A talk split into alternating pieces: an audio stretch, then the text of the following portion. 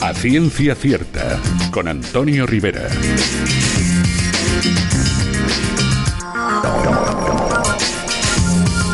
Hola, ¿qué tal queridos amigos? Bienvenidos todos a una nueva edición de A Ciencia Cierta, donde ya sabéis que tenemos un buen rato por delante para hablar y disfrutar de la ciencia. Os habla como cada semana Antonio Rivera y antes de empezar recordar brevemente las redes sociales del programa donde podéis interactuar con nosotros. Ya sabéis que estamos en Twitter en arroba ciencia cierta guion bajo y también estamos en Facebook en A Ciencia Cierta con Antonio Rivera. Recordaros también que si queréis escuchar todos los programas que hemos emitido hasta el momento, lo tenéis que hacer a través de la página o la aplicación de iVoox. Ya sabéis, iVoox con dos OEs. Y como siempre, agradecer por su colaboración a la Unidad de Cultura Científica de la Universidad de Valencia y a la Fundación Española para Ciencia y Tecnología. Y sin más dilación, gracias por estar ahí una semana más y comenzamos.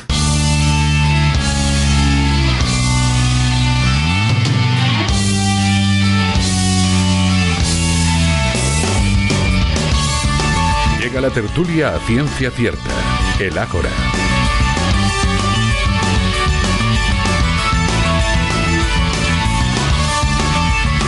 Sintonía del Ágora, sintonía de la tertulia aquí cada semana en la Ciencia Cierta y vamos rápidamente a saludar a los contertulios que me van a acompañar durante el programa de hoy. Y empezamos por Ignacio Crespo, ya saben ustedes, médico y divulgador científico, coordinador de las páginas de Ciencia de la Razón y autor del libro Una selva de sinapsis. ¿Qué tal Ignacio? ¿Cómo estás amigo? Muy bien, aunque el tema de hoy no es de mis favoritos. Los que me conocen lo saben, estoy aquí porque me gusta, porque me gustan todos los de ciencia, pero yo me fui de la medicina por algo, ¿eh? Yo, yo ahí huí. Eh, es curioso, pero eh, mira que proponemos temas y mira que te apuntas a todo y siempre que te sugiero temas de medicina te cuesta, te Sí. cuesta.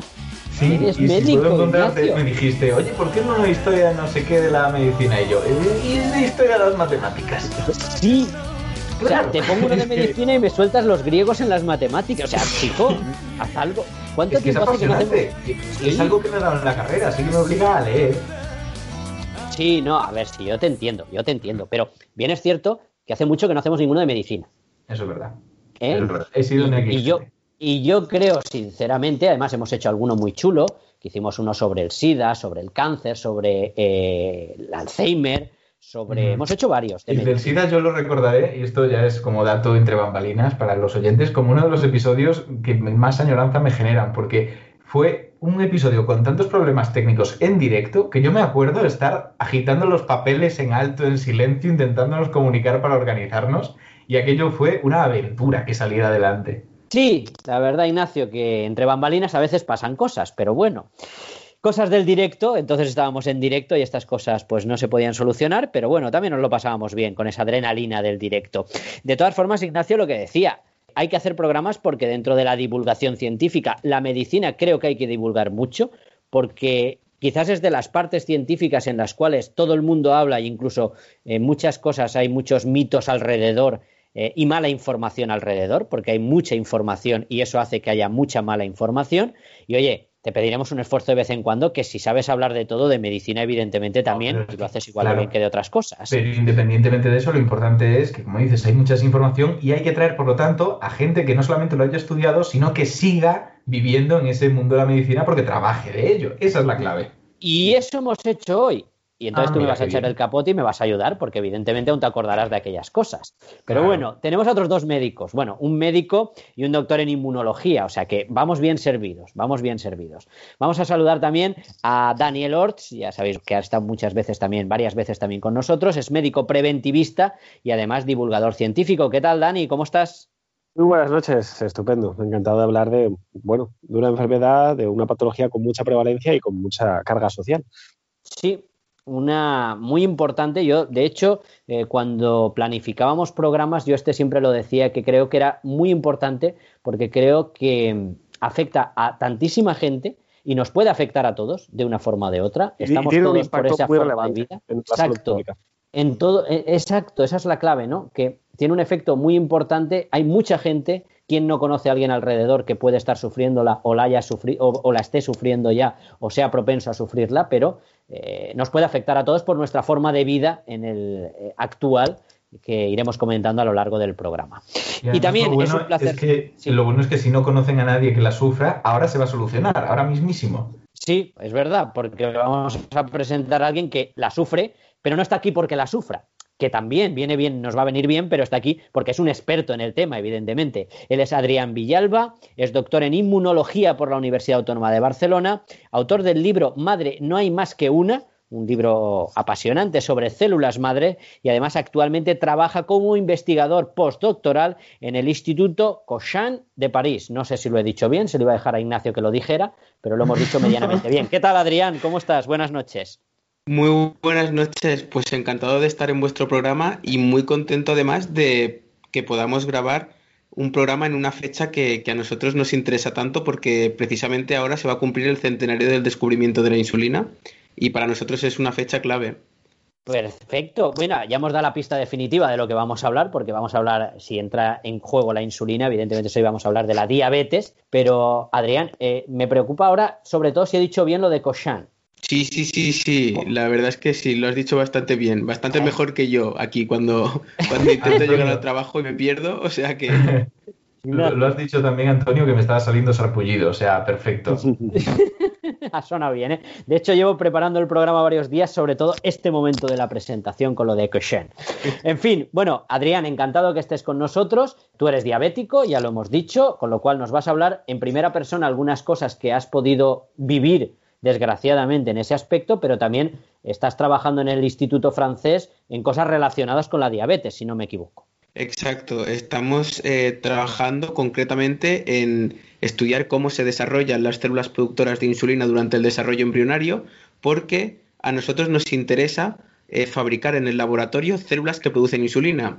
Y como los científicos no tenemos a veces mucha imaginación, pensamos que lo mejor que podemos hacer para generar estas células es copiar a la naturaleza y estamos estudiando precisamente cómo la naturaleza nos ayuda a que nosotros tengamos estas células que crecen durante el desarrollo embrionario.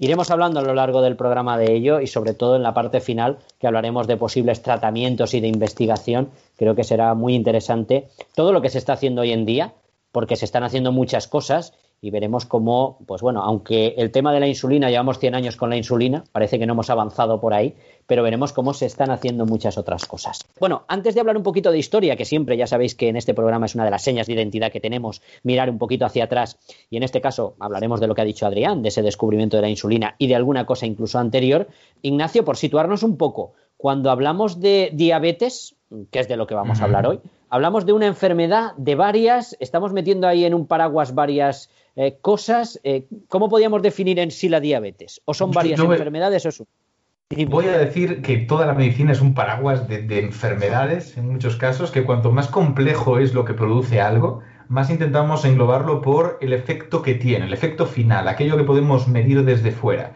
Y a veces eso significa que tenemos distintos orígenes para una supuesta misma enfermedad. En este caso vamos a ver que los mecanismos por los cuales se acaba desencadenando los distintos tipos de, diabetes son diferentes. Pero en cualquier caso, creo que una buena forma de empezar es recordar que a pesar de que la gente cuando piensa en diabetes piensa en eso del azúcar, porque al final todos lo hemos escuchado así, y es, mírame el azúcar, tengo mal el azúcar, no te hablan realmente de la glucosa en sangre, no te hablan de la hemoglobina glicosilada, no te hablan de estas cosas. ¿Qué ocurre entonces? Que tenemos un concepto actual, popular, al respecto de la enfermedad que no es necesariamente el mismo que hay en los libros de texto. Pero esto no es algo de ahora. Para entender realmente las enfermedades y los términos en medicina, es súper importante comprender que cambian a lo largo del tiempo. Y de hecho hay ejemplos muy extremos de esto, de gente de corrientes postmodernas muy heavy, que dicen cosas como que era imposible que los faraones murieran de tuberculosis, porque el vacilo de Koch se descubrió mucho después. Esto es real, independientemente de que ya hubiera algo. Están supeditando todo al nombre y por lo tanto a la definición que se da alrededor de la enfermedad. La enfermedad en sí, la tuberculosis, se define porque participa un vacilo que por aquel entonces no se conocía, que eran espíritus, que eran lo que fueran consideran que por lo tanto es absolutamente distinta. Y con la diabetes vemos un recorrido más o menos análogo. Es una de esas enfermedades que nos acompañan desde el principio, desde mucho antes de entender qué hacía realmente el páncreas. y por lo tanto se han dado muchas connotaciones, muchas clasificaciones y una evolución que poco a poco ha ido constituyendo lo que hoy en sí, de forma profunda, comprendemos por diabetes. Y yo creo que esa es la mejor forma de introducir la historia y desentenderme para que lo cuente Adri, que lo conoce mucho mejor que yo. Perfecto, pero de todas formas, Ignacio, claro, me llamaba la atención lo que estabas diciendo, cuando no teníamos ni idea ni lo que era el azúcar.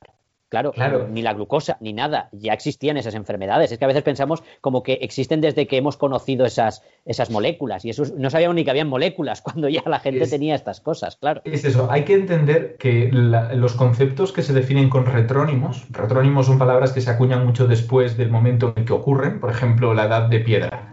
Quienes vivían en la edad de piedra no sabían que eso era la edad de piedra. Eso es un retrónimo. Pues los términos que se suelen definir de esta manera cambian notablemente su connotación en el momento en el que le pones nombre, porque ya lo estás analizando de otra forma y por lo tanto tiene una evolución histórica en sus connotaciones. En el caso de estas enfermedades de largo recorrido, pues son ejemplos absolutos.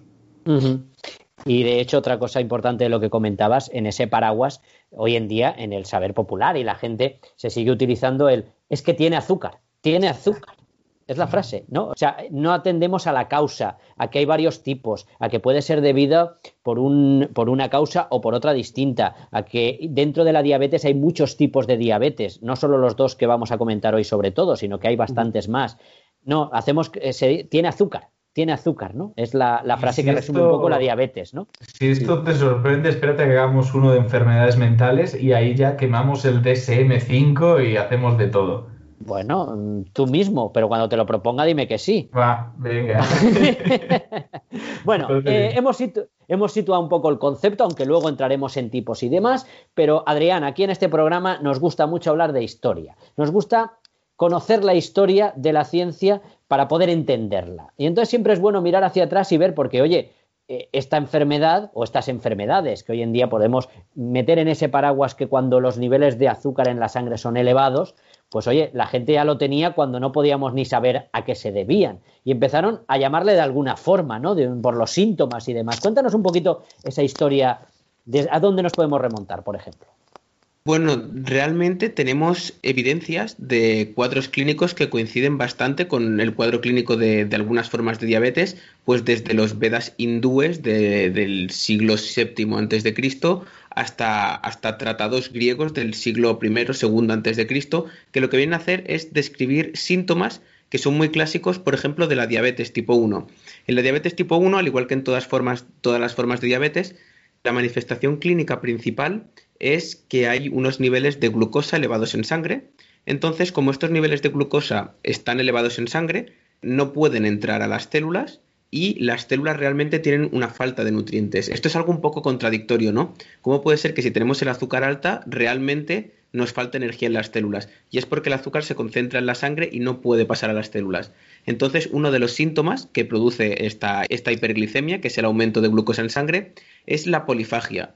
Eh, el cuerpo evidentemente te pide intentar comer más porque tienes que suplir esta falta de energía que tienen tus células. Como tienes que suplir esta falta de energía y tienes la glucosa muy elevada en sangre, tu riñón lo que hace es filtrarla y entonces la filtra a través de la orina y tenemos lo que se conoce como poliuria, es decir, vamos más veces al baño a orinar y en consecuencia todo es una, todos son desencadenantes como un efecto dominó que acaban creando consecuencias la consecuencia de la poliuria es la polidipsia. Como orinamos más, también tenemos más sed. Entonces, estas tres P's, ¿no? Polifagia, polidipsia y poliuria, fueron los términos que ayudaron a definir el nombre de la enfermedad, que es diabetes.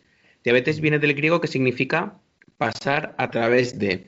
Es decir, eh, la persona bebía y enseguida orinaba. Entonces, así es como Areteo de Capadocia, en el siglo I Cristo, consiguió pues ponerle nombre al conjunto de enfermedades que por aquel entonces se pensaba que era una, que, es lo que hoy en día conocemos como diabetes.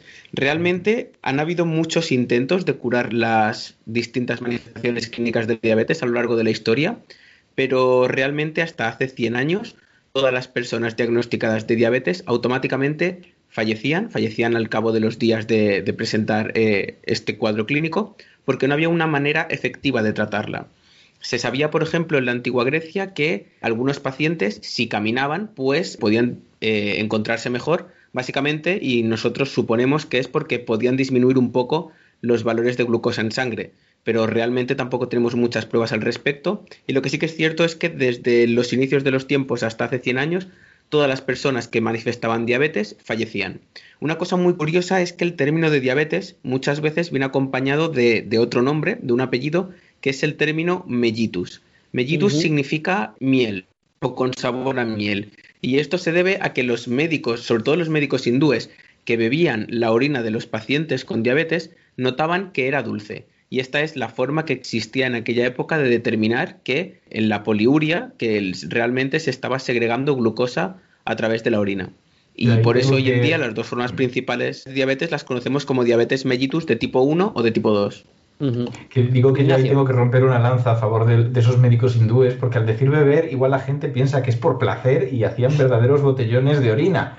Eh, estamos hablando de cazar, de, ver si es dulce o no como uno de los muchos signos que te permiten después determinar qué tiene el paciente, porque si orina mucho y encima está dulce, pues te da doble pista. O sea, era un sacrificio en pos de la ciencia. Sí, ahora no probamos orina, pero tenemos guardias. Al fin y al cabo es sufrir por nuestra profesión. Exacto. Igual alguno lo disfrutaba, no puedo ahí yo opinar, pero que se hacía por defecto con otros motivos muchísimo más pragmáticos. O sea que algo hemos avanzado, por lo menos en este camino. Y de hecho es lo que eh, dice Adri, hemos avanzado tanto que hace 100 años era prácticamente una condena de muerte. De nuevo volvemos a estar viendo que una misma enfermedad tiene connotaciones muy distintas a lo largo de su historia. Podemos decir que la diabetes, que padecían esas personas era una enfermedad, en cierto modo, contextualmente diferente a la que hay ahora mismo. Porque no tiene las mismas implicaciones psicológicas cuando te la diagnostican, por ejemplo. Y tienes una esperanza de vida muy diferente, claro. Claro. De hecho, mm, creo, Adrián, aparte de lo que habéis dicho, ¿no? Mm, todos vosotros, antes era una sentencia de muerte prácticamente.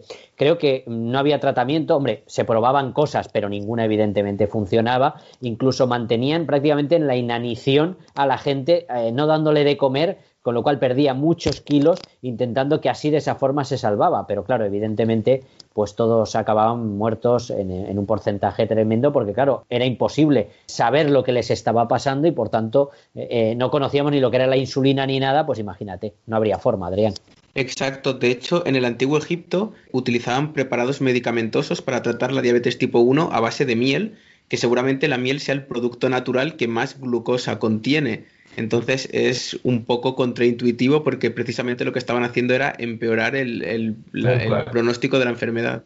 Hay que decir también ahí, aunque hoy parece que estoy demasiado escatológico, lo cual es inevitable siempre que se habla de medicina antigua, que eh, Egipto se conoce, el antiguo Egipto, como uno de los lugares donde mayor farmacopea había de la antigüedad. O sea, había un conocimiento bastante amplio, conocimiento no acertado, por supuesto, de supuestos fármacos y tratamientos para distintas enfermedades. Tenían listas increíbles, y eso que los mesopotámicos ya arrastraban listas de, de otros conocimientos pues, serias.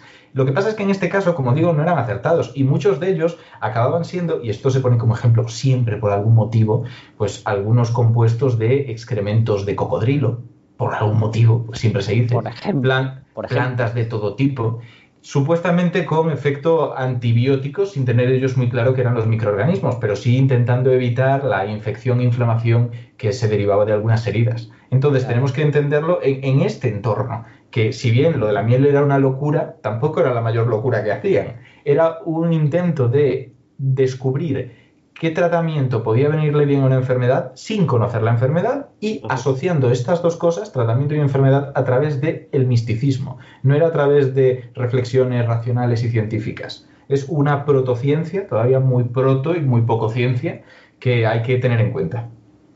Y que tuvo largo recorrido, ojo, que tuvo largo recorrido, porque claro, el desconocimiento, claro, es que hay que situarse. Claro, es que contextualmente era un esfuerzo del conocimiento limitado de la época. Claro, es que no sabían lo que, lo que pasaba. O sea, cuando no sabes la causa de algo, qué difícil es encontrar la solución. De hecho, y aquí aprovechamos para la pullita, era un momento en el cual la cirugía estaba mucho más evolucionada que la medicina. No necesariamente en Egipto, pero ya que hemos hablado antes de médicos hindús, bueno, hindús sería religión, médicos indios, eh, de sobre todo pues eh, eh, cultura veda, cultura ayurveda, encontramos ahí un amplísimo conocimiento de cirugía, incluso de cirugía reconstructiva y, cirugía estética, podríamos decir, que no era exactamente estética, pero tenía técnicas similares. Y por algún motivo, bueno, por algún motivo, porque es más sencillo, más mecánico y más visible, ahí sabían más qué hacer, que cuando hablamos de cosas tan intangibles como, pues le ha subido el azúcar y lo sé solamente porque tiene la orina dulce. En fin, de todas formas es la historia, ¿no? Y es lo que tratamos de explicar en esta primera parte, situándonos siempre en el contexto histórico. Vamos a avanzar un poco y nos vamos a situar hace tan solo 100 años, que hombre, es tiempo, pero si lo miramos en perspectiva, los siglos y siglos que pasó la humanidad sin tener ni idea de lo que pasaba ni lo que había ahí dentro. Porque comentaba Adrián antes, al principio del programa, dejado caer que se está cumpliendo el centenario del descubrimiento de algo importante que sí que va a cambiar la historia de lo que estamos contando. De hecho, antes de que nos cuentes, Adrián, esa historia y cómo se descubrió, que es muy chula, eh, para situar el premio Nobel Peter Midware dijo que el descubrimiento de la insulina puede considerarse el primer gran triunfo de la ciencia médica, ni más ni menos. No sé si será exagerado o no, pero ahí está la frase. Eh, Adrián, cuéntanos, eh, ¿qué pasó hace 100 años? Pues hace 100 años se descubrió la insulina y se descubrió a base de intentar hilar de intentar conectar algunos descubrimientos que sucedieron un poco por casualidad, ¿no? La insulina se fabrica en el páncreas, concretamente en los islotes de Langerhans, las células beta de estos islotes, y Langerhans era un señor eh, alemán que a finales del siglo XIX descubrió estos islotes y nunca llegó a saber realmente cuál era su función fisiológica. Mm, estos islotes, como se encuentran en el páncreas, el páncreas es una glándula mixta. Hoy en día lo conocemos, pero en aquella época no se sabía. Esto quiere decir que participa en funciones exocrinas, como en la digestión de los alimentos, produciendo enzimas como carboxipeptidasas, lipasas, que ayudan a digerir los, los, alimentos, pero también tiene una función endocrina, que es la de producción de hormonas, que nos ayudan a metabolizar estos alimentos. Entonces, eh, no sería hasta 20 años después de que Minkowski descubriera estos islotes, que eh, Langerhans descubriera estos islotes, perdón, que llegó Minkowski y decidió estudiar la función del páncreas, pero únicamente función exocrina, la función en la digestión. Y para ello decidió eliminar el páncreas de perros y observó, por casualidad, que estos perros a los que eliminaba el páncreas desarrollaban también el cuadro clínico de la diabetes. Entonces, a partir de ahí se entendió que algo estaba sucediendo en el páncreas que estaba relacionado con el metabolismo de la glucosa, con el metabolismo de los azúcares.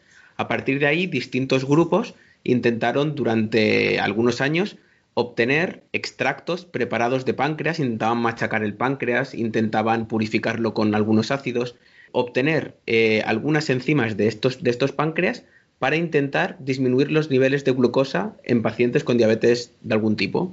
Esta técnica de Minkowski me, parece muy interesante por varios motivos. El primero es que aunque no nos hayamos dado cuenta, ahora que hemos estado hablando un poquito de la historia de la, de la diabetes y hemos nombrado, por ejemplo, Areteo de Capadocia, Areteo de Capadocia, entre otras cosas, era conocido por sus estudios muy iniciáticos en las diferencias entre las enfermedades neurológicas y las enfermedades mentales. Tenía ahí cierta tendencia por lo que es neuro. Y a lo largo de esta historia vemos otras figuras que tal vez hemos saltado como Willis, que también fue muy importante para la diabetes, pero también para el estudio del cerebro. Y llegamos aquí a Minkowski con esto, que realmente esto de quitar un trozo, un órgano y ver qué pasa, es algo que no ocurre con tanta frecuencia en el estudio fisiológico. No quitamos un corazón para ver qué pasa porque lo intuimos. Pulmones tres cuartos de lo mismo y normalmente viene la gente pues igual con un daño en el pulmón que nos hace suponerlo.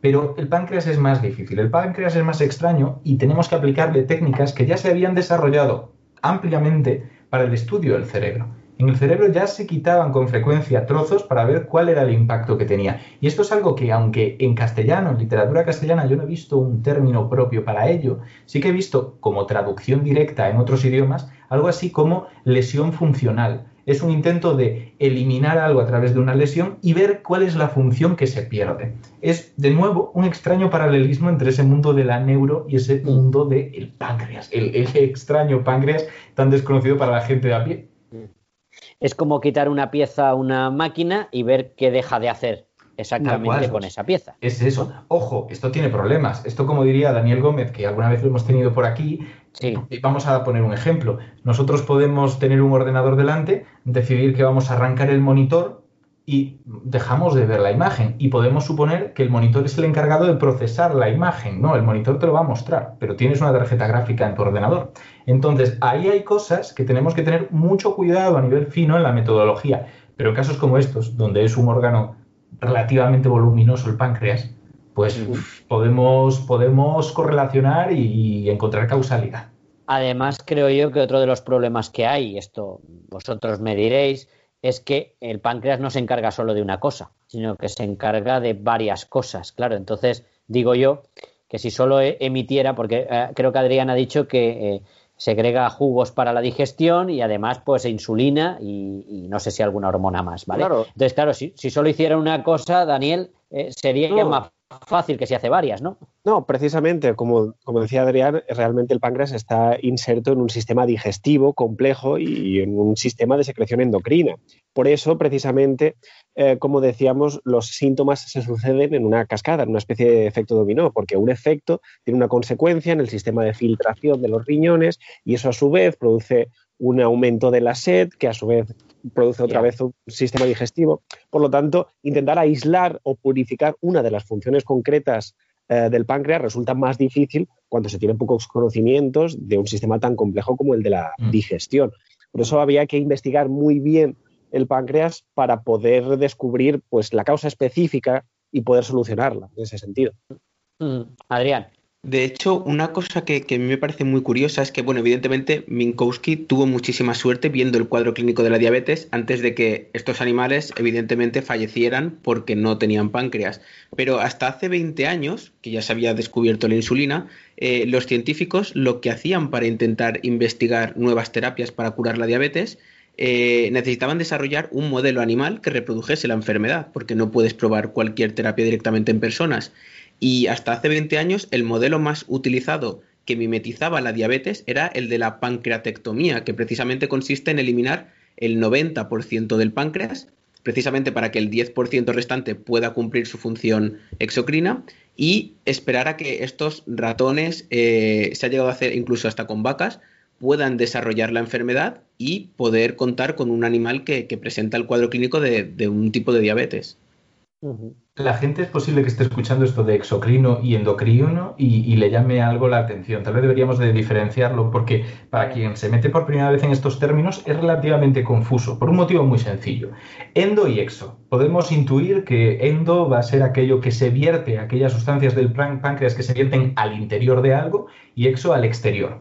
Vale. La cosa es, ¿el tubo digestivo, tu intestino, es interior o exterior? Porque parece bastante interior, pero en realidad en medicina, como es algo que está, digamos que unido a la parte exterior de tu cuerpo, puedes eh, recorrerlo de forma continua. Entras por la boca y sales pues, por el lado opuesto, por las antípodas, y has pasado por todo el tubo digestivo, se considera exterior. Entonces, eso sería una secreción exocrina, aquello que se vierte al intestino, que serían sustancias que valgan para la digestión en este caso el páncreas también cumple esa función. Por eso es tan importante lo que decía Adrián de dejar parte. No nos interesa que no cumpla la función endocrina, la función que vierte a la sangre la insulina para regular esta, glucemia, pero que sí que mantenga la posibilidad de digerir, sobre todo de trabajar con eh, grasas que llegan al intestino, romperlas, emulsionarlas y permitir su digestión.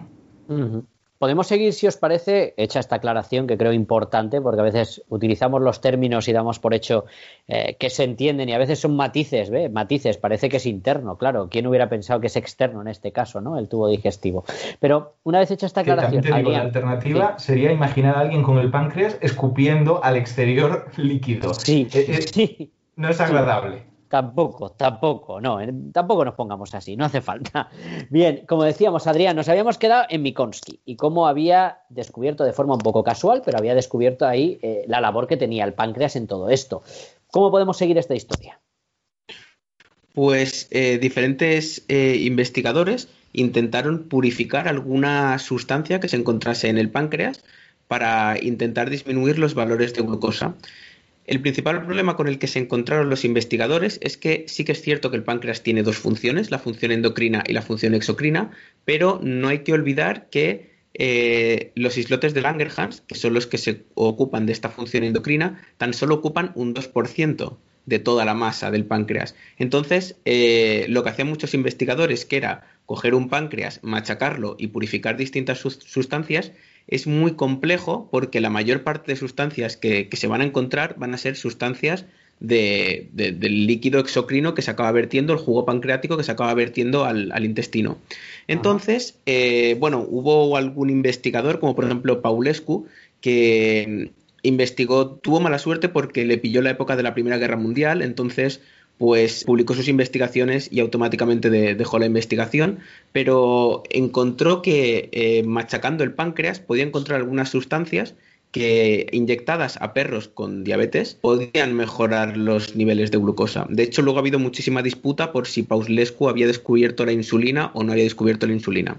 Lo verdaderamente interesante aquí es que ningún científico hasta el momento fue capaz de identificar un solo compuesto, una sola hormona en este caso, que fuese eh, capaz de, eh, específicamente de disminuir los valores de glucosa. Hasta ese momento se habían descubierto extractos, purificaciones, pero realmente no se sabía qué es lo que era capaz de disminuir los valores de glucosa. Entonces, hacia finales de 1920, Banting, que es un investigador de, que, que había nacido en Canadá, un investigador canadiense, era médico, se hizo una hipótesis que también, al igual que Minkowski, eh, la aplicó y tuvo muchísima suerte porque hubo bastantes factores que, no tuvo en cuenta y que parece que se alinearon los astros para que pudiese aislar la insulina. Él se preguntó que tal vez intentando bloquear el ducto pancreático, que es el ducto que riega del páncreas al intestino y que expulsa este jugo pancreático, eh, si lo bloqueaba, el propio jugo pancreático sería capaz de digerir toda la masa de células productoras de, estas enzimas. Y tan solo se quedarían los islotes de Langerhans. Exacto, autodigerirse. De todas formas, Adrián, pongámonos en, contexto. O sea, eh, Frederick Bunting, que estás diciendo, era un joven médico de cabecera canadiense. No era experto ni mucho menos en el tema, sino que tiene esa idea. Es una hipótesis. Una idea, quizás podríamos decir como alocada, podríamos decir, ¿no? Pero que él, desde el principio, se empeñó en que esa idea eh, iba a dar resultado. Fue un poco obcecado con su idea, pero que mm, no tenía ninguna base más allá de cualquier otra idea, ¿no? O sea, el decir, bloqueo esto y entonces va a dejar de producir esos jugos y producirá los otros que son los que me interesan, ¿no? Adrián, era un poco una locura. Exacto. De hecho, eh, bueno, como luego Banting se convirtió en un personaje clave en la historia de la medicina, pues se conservan muchos de sus documentos y su hipótesis está escrita en una de sus páginas de la libreta de laboratorio en tan solo 25 palabras. Eh, una de las primeras objeciones que podemos tener a esta hipótesis es que si somos muy puristas nos podemos preguntar ¿por qué bloqueando el ducto pancreático se va a digerir todas las células que producen las enzimas gástricas, pero ¿por qué no se van a digerir los islotes de Langerhans, por ejemplo? Y él creo que nunca llegó, exacto, nunca llegó a, conocer eh, esto, porque él luego falleció en un accidente de avión y a finales de los 40. Y realmente eh, la gran ventaja que tienen los islotes de Langerhans es que no están en contacto con las células que producen, en estrecho contacto con las células que producen el jugo gástrico, sino que están encapsuladas, separadas del resto del páncreas, con una pequeña capa de colágeno, una capa muy fina de colágeno. Y el jugo pancreático no es capaz de digerir esta capa de colágeno que envuelve a los islotes de Langerhans. Y esa es la gran suerte que tuvo la hipótesis de Banting, que realmente él no contempló en ningún momento, pero que, de ser de otra manera, si no hubiese existido esta cápsula de colágeno, que en aquel momento no se conocía que existía, perfectamente se podría haber digerido todo y el experimento no hubiese funcionado. Mm. A veces también hace falta un poco de suerte, Ignacio, como en este caso, ¿no? No, y suerte y que estamos viendo lo complejo que es atribuir paternidad a un descubrimiento científico. Esto es uno de esos ejemplos claros y yo aprovecho ahí ya para hacer proselitismo de algo que no será la primera ni la última vez que diga. Nos inventamos las narrativas para que sean fáciles. Y es muy atractivo, como alguna vez hemos tenido que hacer aquí, inevitablemente, contaros la historia, no sé, de la inteligencia artificial y poner que el padre era Turing porque fue el primero que más o menos empezó a vislumbrarlo, o algo que en su momento fue polémico también aquí, sin irnos más lejos, que fue para la nanociencia y nanotecnología establecer que el padre fue Feynman. Sí, por la frase eh, que claro. ¿Qué hizo con la frase aquella de hay espacio al fondo de la sala? Mm, estuvo sentando, en cierto modo, bases, ¿vale? Sobre las que trabajar, especulativas, pero es que nos vamos a agujeros negros y John Mitchell podría ser también el padre porque hizo algunos cálculos o el padre es el primero que vio una lente gravitatoria. Eh, de nuevo tenemos mucha divergencia. Con el ADN pasa lo mismo. Hay gente que considera que el descubridor realmente, que esta semana ha habido polémica en Twitter con el tema, fue Miescher. Por tu culpa. Por, mi culpa. Eso yo no lo he dicho porque queda feo. Pero había Tampoco tiene mucho mérito que haya polémica en Twitter porque es Twitter. También te digo que tú no puedes hablar de esto, ¿eh? No en concreto, no, pero eh, la gente que dice, vale, es Miescher porque en su primer momento identifica algo que no sabe exactamente qué es, pero que acaba siendo el ADN. En cambio, que tenemos mucha gente que dice, no, el ADN se descubre propiamente no cuando se le pone el nombre, no cuando se aísla lo que se suponga que es eso, sino cuando entiendes cuál es su estructura y te apuntan a que los clave fueron Watson, Crick, Wilkins y Rosalind Franklin. Eh, en fin, hay una grandísima diversidad de opiniones aquí que hace que la solución a la paradoja sea negar la paternidad y entender que la ciencia es hoy tan colaborativa como ha sido siempre. Y los grandes científicos que se erigen entre la multitud como islas de sapiencia que han trabajado siempre solas, eso es un mito. ¿Que ha habido gente como Newton? Pues claro, dos o tres, y aún así se valían del conocimiento de otros. Y ahora pasa exactamente lo mismo. Hace años que por suerte tenemos lo que se llama megaciencia, que suena como una digievolución extraña de la ciencia, pero es con todo el derecho propio la evolución lógica de un mundo en el que las investigaciones en muchos campos requieren tecnología tan cara y tan avanzada que un solo país no puede costearla y necesitan juntar a varias instituciones y varios países para sumar fuerzas.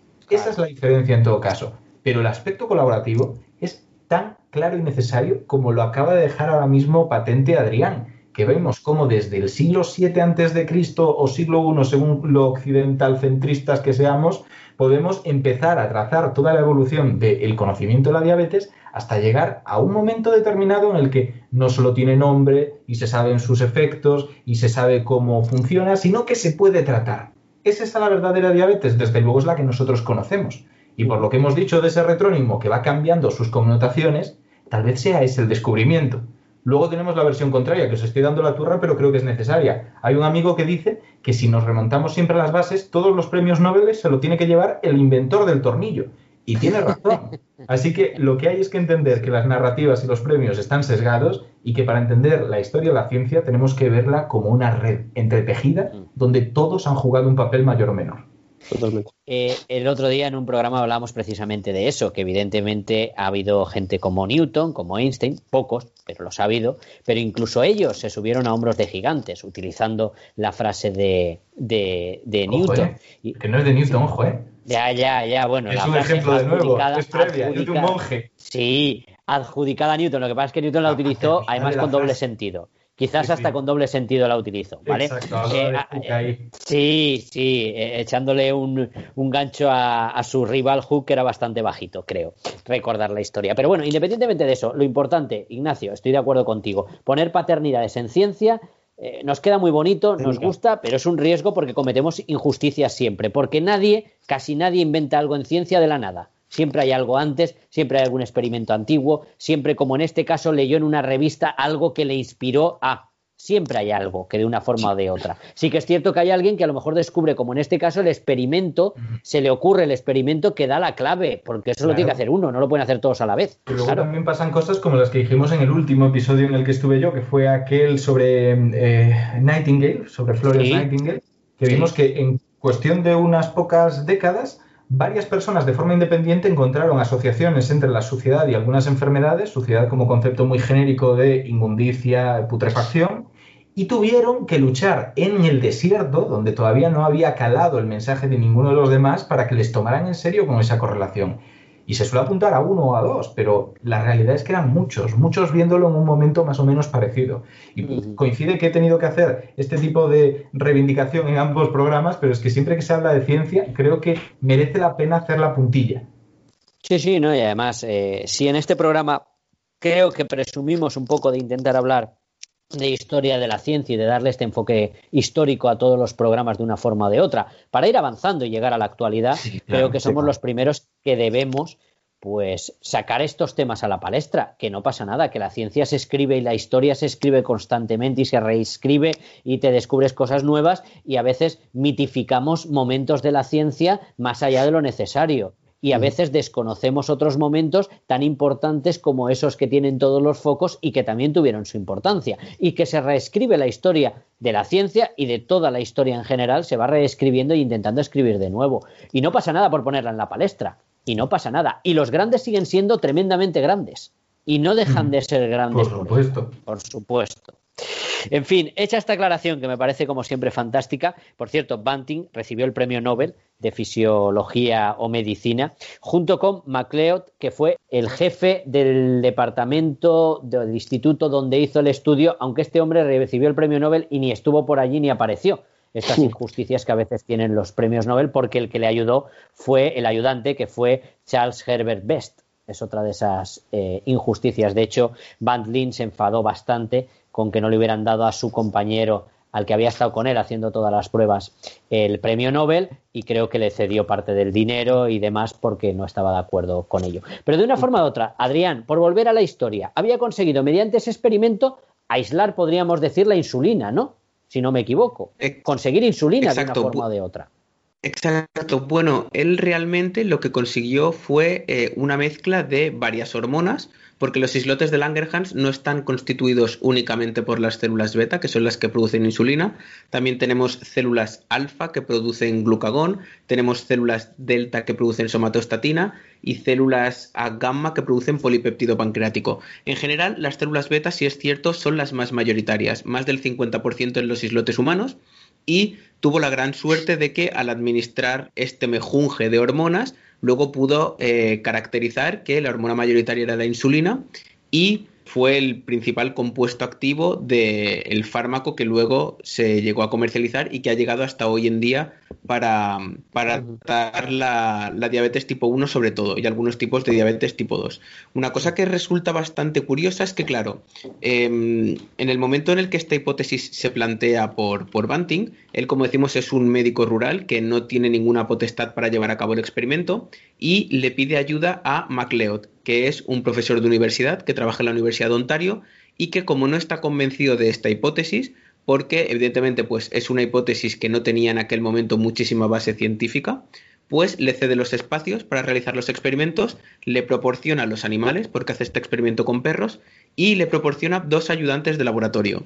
Aquí también la suerte, como llevamos viendo en toda esta historia, juega un momento crucial porque solo necesita, Banting solo necesita un ayudante de laboratorio para los experimentos que necesita y para elegir entre Best y Nobel, que son los dos ayudantes que se presentaron al puesto, lanza una moneda al aire. Y la historia quiso que fuese Best el que le asistiese en los experimentos y pasase también a la historia de la medicina, siendo copartícipe del descubrimiento de la insulina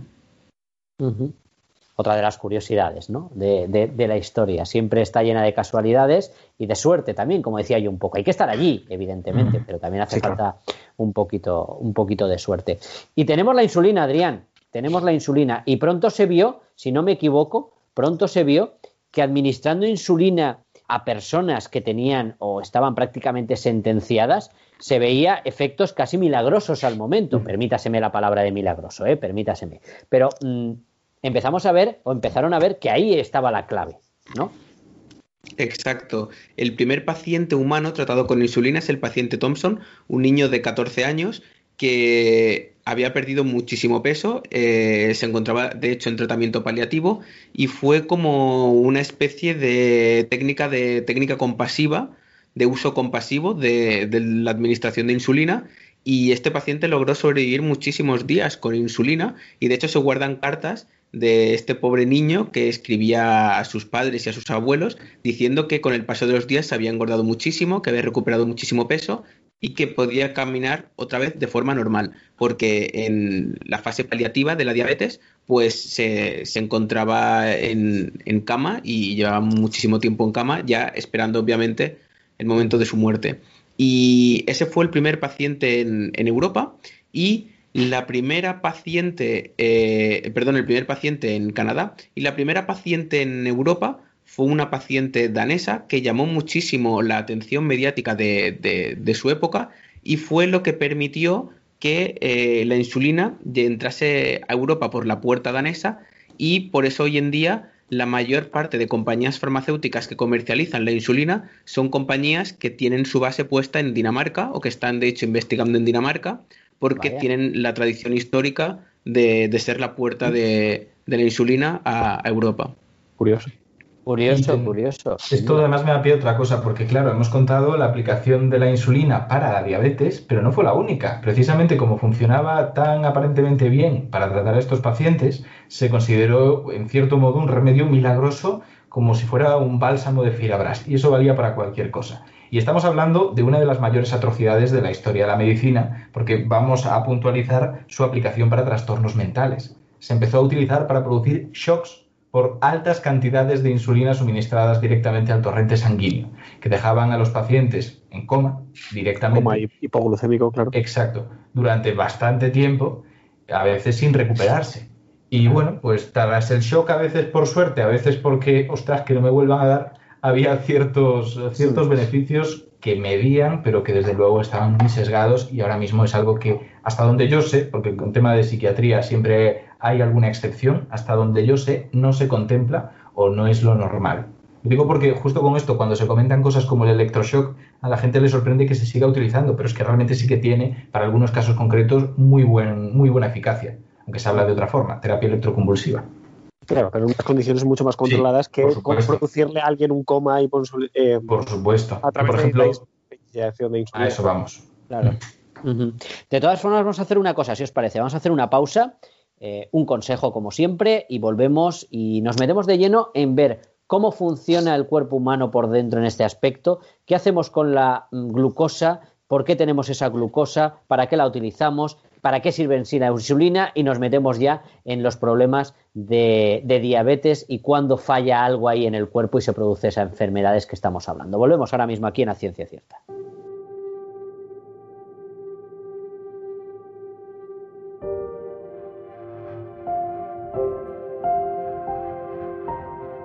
Y es que una vez más no queremos dejar pasar la oportunidad de recomendaros, como estamos haciendo estas últimas semanas, la serie Beatles, una historia humana que ya tenéis disponible en HBO España.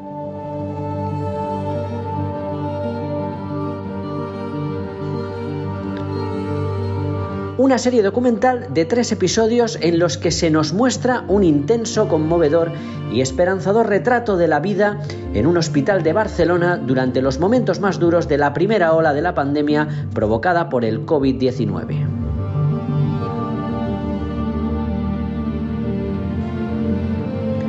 Una serie en definitiva que se centra en las personas, en gente como Alfredo, Matilde, Vanessa, Sandra o Noemí, sanitarios y enfermos en situaciones límite que nos muestran la excepcional capacidad del ser humano para el amor y la generosidad cuando se enfrentan a las peores circunstancias.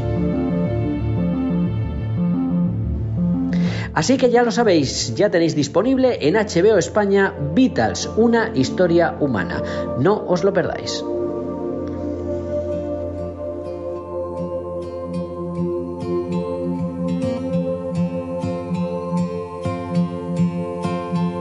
T'envio la tramuntana que el vent del nord et porti aquesta abraçada.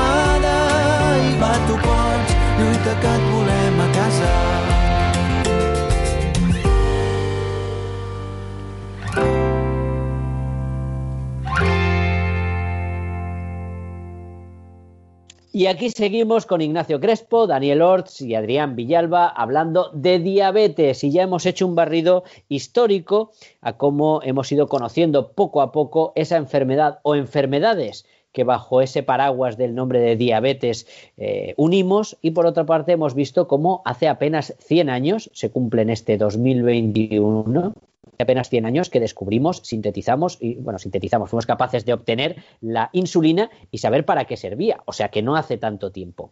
Pero yo quiero ahora, Adrián, que nos vayas contando en sí qué pasa cuando en el cuerpo tenemos esa diabetes y los tipos de diabetes que hay. Pero creo que la forma mejor de explicarlo, creo yo, es que nos cuentes empezando por cómo funciona el cuerpo cuando funciona bien. ¿Qué pasa cuando, cómo se regula ese azúcar o esa glucosa, mejor dicho, que tenemos en la sangre? ¿Cómo funcionan las cosas como funcionan bien, Adrián?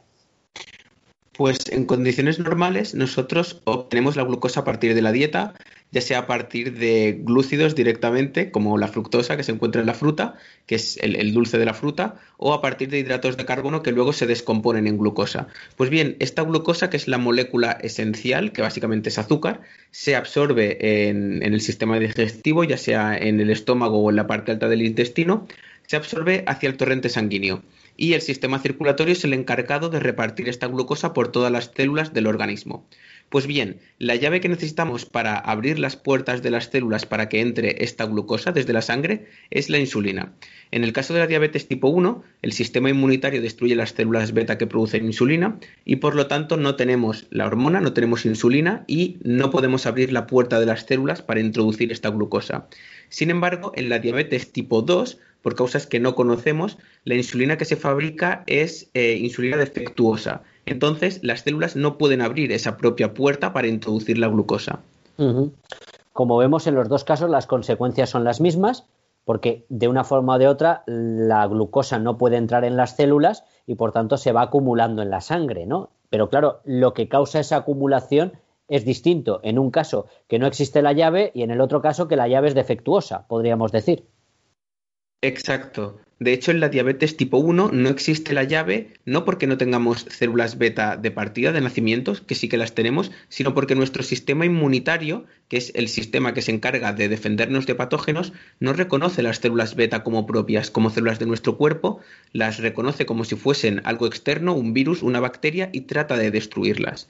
Entonces sí que sabemos que la célula beta eh, en pacientes con diabetes tipo 1 presentan algunas variantes de genes que las hacen más susceptibles a esta destrucción. También sabemos que hay factores ambientales que convierten nuestro sistema inmunitario más agresivo para destruir esta célula beta.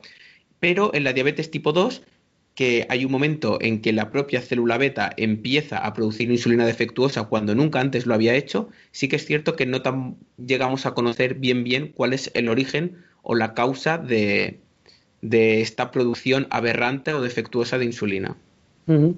Varias cosas en lo que has comentado que me han llamado mucho la atención. Lo primero, que la de tipo 1, estás comentando que es el propio sistema inmunológico el que las ataca, no las reconoce.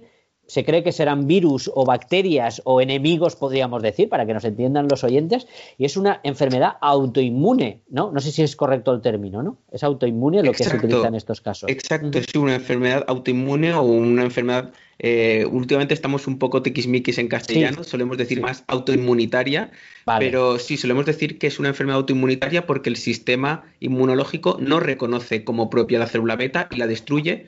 He de romper aquí una lanza a favor de la diabetes y he de decir que de todas las enfermedades autoinmunitarias que hay, pues la diabetes tipo 1 tampoco es una de las más graves, ¿no? Si uno se pone a pensar pues en miastenia gravis, en esclerosis múltiple, que son eh, otras enfermedades donde el sistema inmunológico afecta a otras partes del organismo, ¿no? Como pueden ser las neuronas y causan un cuadro clínico mucho más severo que la diabetes tipo 1. De todas formas, ahora... Hay que tener en cuenta que esta valoración que has hecho es porque tenemos tratamientos. Evidentemente, evidentemente. Claro, ahora iremos a ello también, evidentemente, pero claro, mucho se está hablando últimamente con el tema de la pandemia del sistema inmunitario o inmunológico. Yo no sé cómo, cómo, es, realmente, Adriano, o se dice de las dos formas. Realmente se dice de las dos formas, aunque parece ser los más puristas solo utilizan inmunitario. Bueno, yo pues, intento que sea inmunitario porque es verdad que inmunológico del tema lógico es el estudio de, ¿no? El estudio de la inmunidad. Aceptamos pues, inmunitario. Vale, si los tres me decís inmunitario, yo digo inmunitario. Eh, es curioso y alucinante cómo lo que nos permite salvarnos y luchar contra infinidad de infecciones, contra infinidad de enemigos, podríamos decir, que nos pueden entrar y que gracias a ello no podemos estar vivos, es lo que nos puede en determinadas ocasiones volver la espalda y atacarnos a nosotros mismos. Yo creo que es extraordinariamente complejo y que todavía desconocemos muchísimas cosas de ese sistema inmunitario, ¿no, Adrián? Exacto. De hecho, ah, se han desarrollado muchísimas terapias enfocadas a eh, intentar detener el sistema inmunitario. Es decir, si nosotros en un paciente con diabetes tipo 1 tenemos células del sistema inmunitario que están continuamente atacando las células beta del páncreas, vamos a intentar que estas células del sistema inmunitario no la ataquen. ¿Cómo lo podemos hacer? Pues una de las primeras aproximaciones que se llevó a cabo fue la que yo intento explicar como matar una mosca a cañonazos. Consiste en utilizar anticuerpos monoclonales anticélulas CD3, que son la mayor parte de células del sistema inmunitario, y de esta manera nos ahorramos que haya células en nuestro sistema inmunitario que ataquen nuestro páncreas. ¿Cuál es el problema? Que entonces tampoco tenemos células en nuestro sistema inmunitario que nos defiendan de virus, que nos defiendan de patógenos, nos convertimos en personas burbujas cuando estamos tratados con estos anticuerpos monoclonales como pueden ser el teplizumab, que es un fármaco ampliamente distribuido, pero también una cosa más importante, es que nuestro sistema inmunitario continuamente cada día está eliminando eh, células que son candidatas a provocar tumores en nuestro propio organismo. Entonces, las consecuencias de utilizar este tipo de fármacos, como digo yo, matar una mosca a cañonazos, pues pueden tener consecuencias bastante severas en, en enfermedades como la diabetes tipo 1. Adrián, y yo cuando pienso en una enfermedad como la que estás diciendo, que tiene que ver con el sistema inmunitario, no sé por qué, pensaría que siempre hay un concepto o una parte genética extraordinariamente importante. Y creo que has comentado que la, digamos que tiene una versión genética, pero también tiene una ambiental, al 50-50, que a lo mejor desconocemos qué parte ambiental es, supongo, pero que también tiene una parte ambiental, ¿no? Exacto. En cuanto a la cuestión ambiental, durante muchísimos años se ha hablado del efecto de la infección de algunos virus. Hay algunos virus que tienen tropismo por el páncreas, como el virus, el, Coxsackie B, y ahora hay una gran lucha académica por demostrar si el SARS-CoV-2 infecta o no infecta eh, los islotes de Langerhans, porque se ha visto que la propia célula beta expresa el receptor ACE2 pero bueno, ese es un tema aparte, pero sí que existen varios virus que conocemos que infectan al páncreas y que eh, sobreestimulan la producción de interferón, que es una molécula que precisamente lo que hace es focalizar la lucha del sistema inmunitario en un lugar concreto de nuestro organismo y que esto podría favorecer que eh, con el paso del tiempo existiese una destrucción de la célula beta pero son algunos factores uno de los factores ambientales que siempre están entredicho y que realmente es muy difícil demostrar porque como no podemos acceder a biopsias de pacientes in vivo, pues es muy difícil demostrar que realmente estos virus tengan un efecto activo en el desarrollo de diabetes tipo 1. Además, si no me equivoco, he leído en algún sitio que existen diferencias territoriales muy importantes en cuanto a la diabetes tipo 1. Creo que en la misma Europa del norte de Europa al sur de Europa hay diferencias enormes en cuanto a, mayor incidencia de una de tipo 1, ¿no? De la diabetes tipo 1. ¿Esto es así? Esto es así. De hecho, eh, hasta hace unos años en Finlandia había eh, aproximadamente el doble, creo recordar, de incidencia de diabetes tipo 1 respecto a los países del Mediterráneo. Esto siempre se ha intentado relacionar un poco con la falta o el exceso de vitamina D, la exposición a las horas de sol, pero realmente mm, a nivel de mecanismo molecular no, se ha llegado a conocer. Sí que es cierto que en los últimos años eh, los países del Mediterráneo sobre todo Portugal, España e Italia, han aumentado muchísimo la, incidencia de diabetes tipo 1 por factores que hoy en día desconocemos. Luego entraremos más en la de tipo 2 porque hay una, un aspecto mucho más relacionado con nuestra forma de vida, ¿no? De hoy en día y demás, mucho más eh, fácil de entender con la de tipo 2. Pero mm, hay más tipos, porque hablamos de tipo 1, tipo 2, aunque a lo mejor sería a lo mejor complicar un poco más el puzzle, pero creo que hay más tipos, ¿no, Adrián?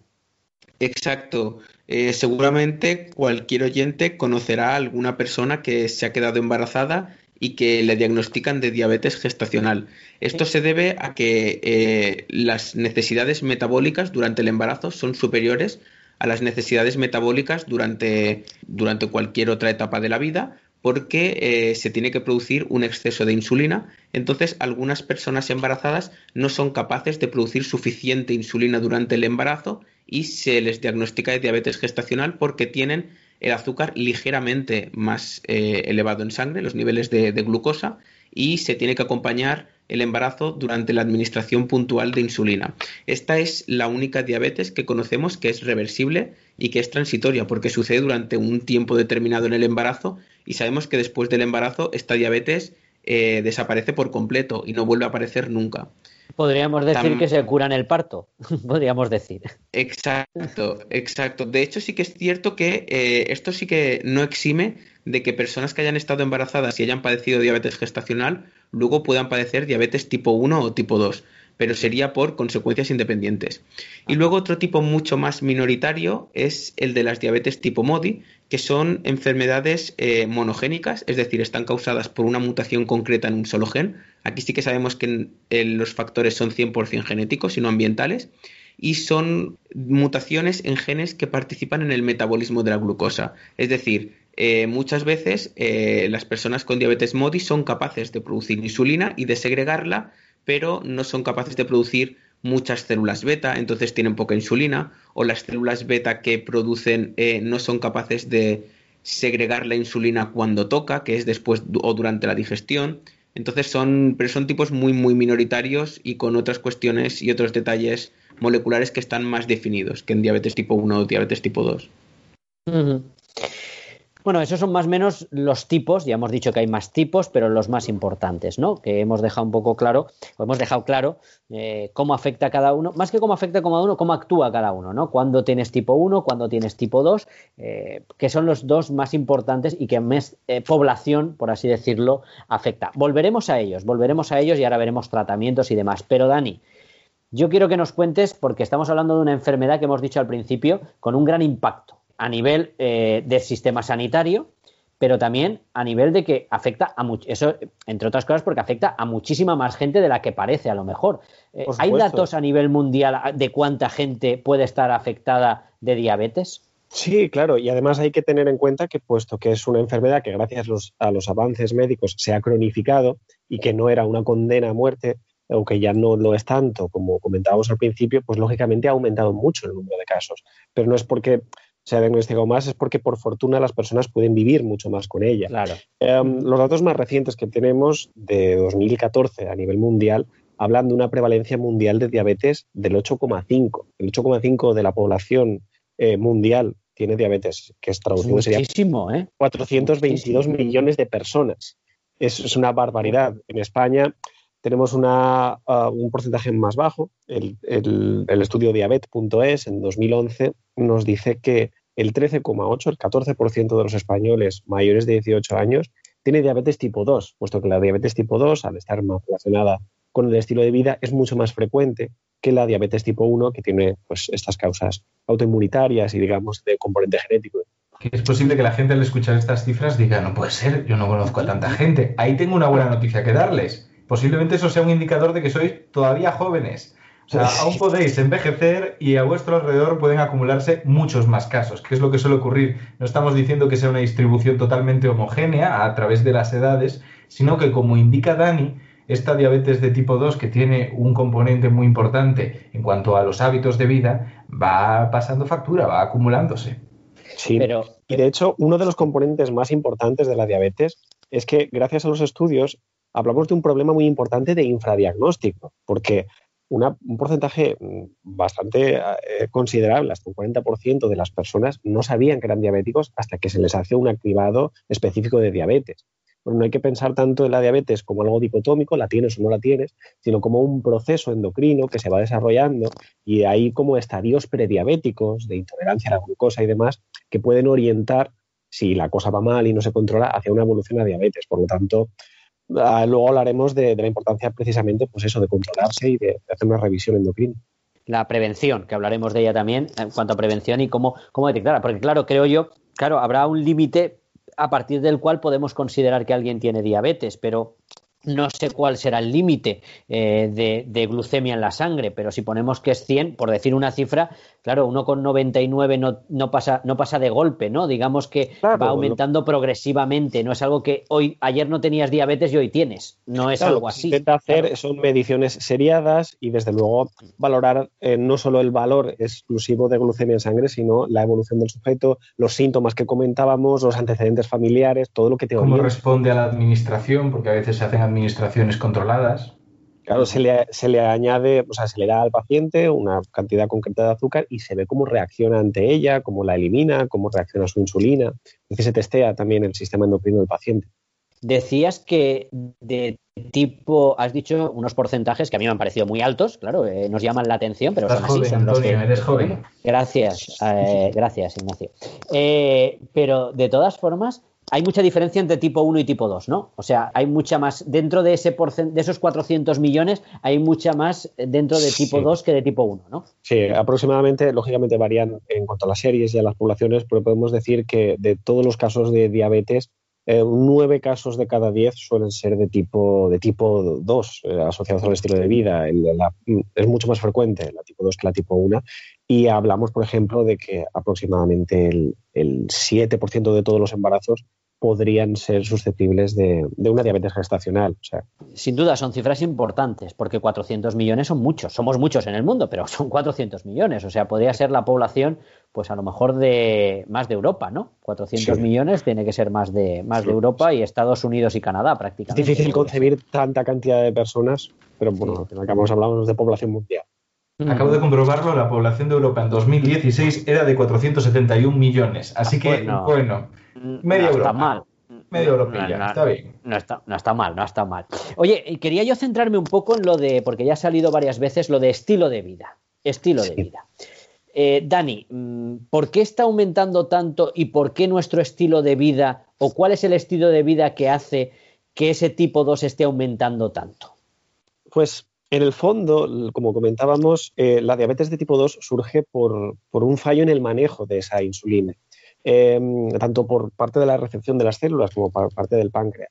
Lógicamente debemos entender que si, eh, como cualquier función del cuerpo, si la sobrecargamos y la maltratamos, puede ser que a largo plazo nos dé problemas. De hecho, lo que hay que tener en cuenta es que los problemas de la diabetes surgen a muy largo plazo y surgen precisamente de un mal control durante muchos años y del depósito de, esos, de ese azúcar en sangre elevado que produce en los nervios y que produce pues, en, en órganos específicos como el riñón o los ojos. No estamos hablando eh, de que la diabetes per se pueda ser dañina, sino que las consecuencias repetidas de una diabetes mal controlada son las que a largo plazo producen los problemas que conocemos. Incluso yo creo que quizá nuestra generación recuerde pues algún tipo de familiar que hayan tenido que amputarle un dedo o Sí. el pie por el azúcar, porque realmente lo que se produce es, un daño continuo en los vasos sanguíneos y en los nervios, que lógicamente afecta a los lugares pequeños, como por ejemplo eh, el ojo, los capilares del ojo, que produce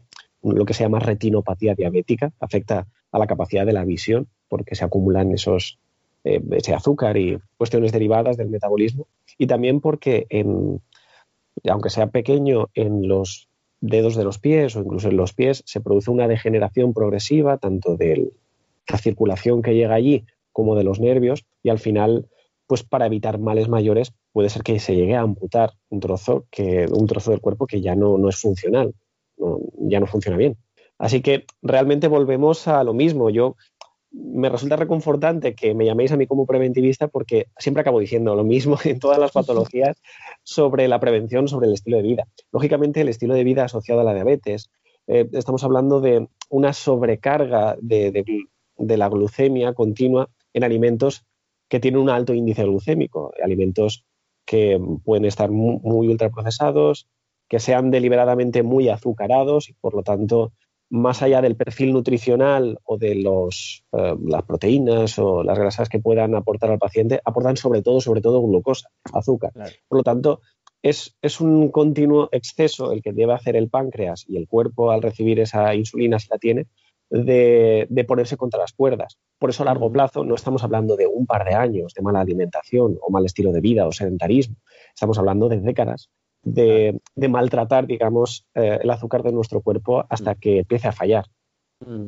Digamos que, mm, claro, eh, cuando hablamos aquí de estilo de vida estamos uniendo sobre todo dos pilares importantes, la alimentación, el exceso de, de tomar más azúcar de lo debido, de mm, ahora veremos que hay muchos alimentos ultraprocesados, procesados, bebidas eh, azucaradas y demás que tienen niveles de azúcar altísimos, es lo que tiene y ahora comentaremos que es que nos gusta el dulce, que vamos a hacer, pero Sí, por sí. otro lado, Pero porque Eh, estamos eh, diseñados también para que claro. nos guste el dulce. El, el Ahora- dulce ahora- produce una recompensa. Claro, ahora iba eso, ahora iba eso, pero de todas formas, mm, y que me parece muy interesante, pero por terminar, el otro pilar es que nos movemos poco, hacemos poco ejercicio. ¿no? Sí, es lo que también se, juntan las dos cosas, ¿no? El sedentarismo. Nos pasamos el día tumbados en la cama y no hacemos nada, ¿no? Sí, y además está, eh, se ha visto precisamente que eh, el ejercicio físico tiene un impacto muy positivo y que forma parte de cualquier pilar terapéutico en, en las diabetes. Eh, el ejercicio mejora la estimulación de insulina y, y su recepción, por lo tanto, no hay que entender, hay- aunque sea algo puramente nutricional, el tema del azúcar, el ejercicio también ayuda muchísimo. De todas formas, comentabas algo de que mm, nos atrae el dulce. Aquí hay un Sí. problema. Y, y esto, en épocas de escasez, pues no hay azúcar, pero en épocas de que hay, pues bueno, hay azúcar, pues yo me acuerdo cuando acaba la guerra todo se le echa mucho azúcar. Cuando Sí. había guerra no había azúcar por ningún lado. Vale. Y lógicamente pero- la, la- nuestra, la evolución de nuestro cuerpo es, es totalmente previa a la industria alimentaria del azúcar. Ahí voy. Claro, porque ahí está una de las claves. Nosotros hemos evolucionado y hemos vivido la mayor parte de nuestra historia como seres humanos en una época en la que no había ni una nevera ni un supermercado, sino que teníamos que ir por la sabana. eran las frutas.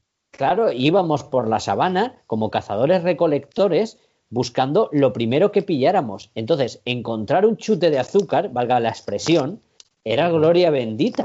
O sea, podrías eh, acumular ese azúcar, primero porque tiene una reacción muy rápida de energía, es pura energía de una forma o de Sí, otra. sí. Pero luego también, si no me equivoco, se puede, eh, se puede guardar como, como grasas y puedes tenerla, utilizarla cuando pues haya escasez. Entonces, nos tiene que atraer algo que era un medio de supervivencia absolutamente fabuloso en ese momento. ¿No, No, Dani?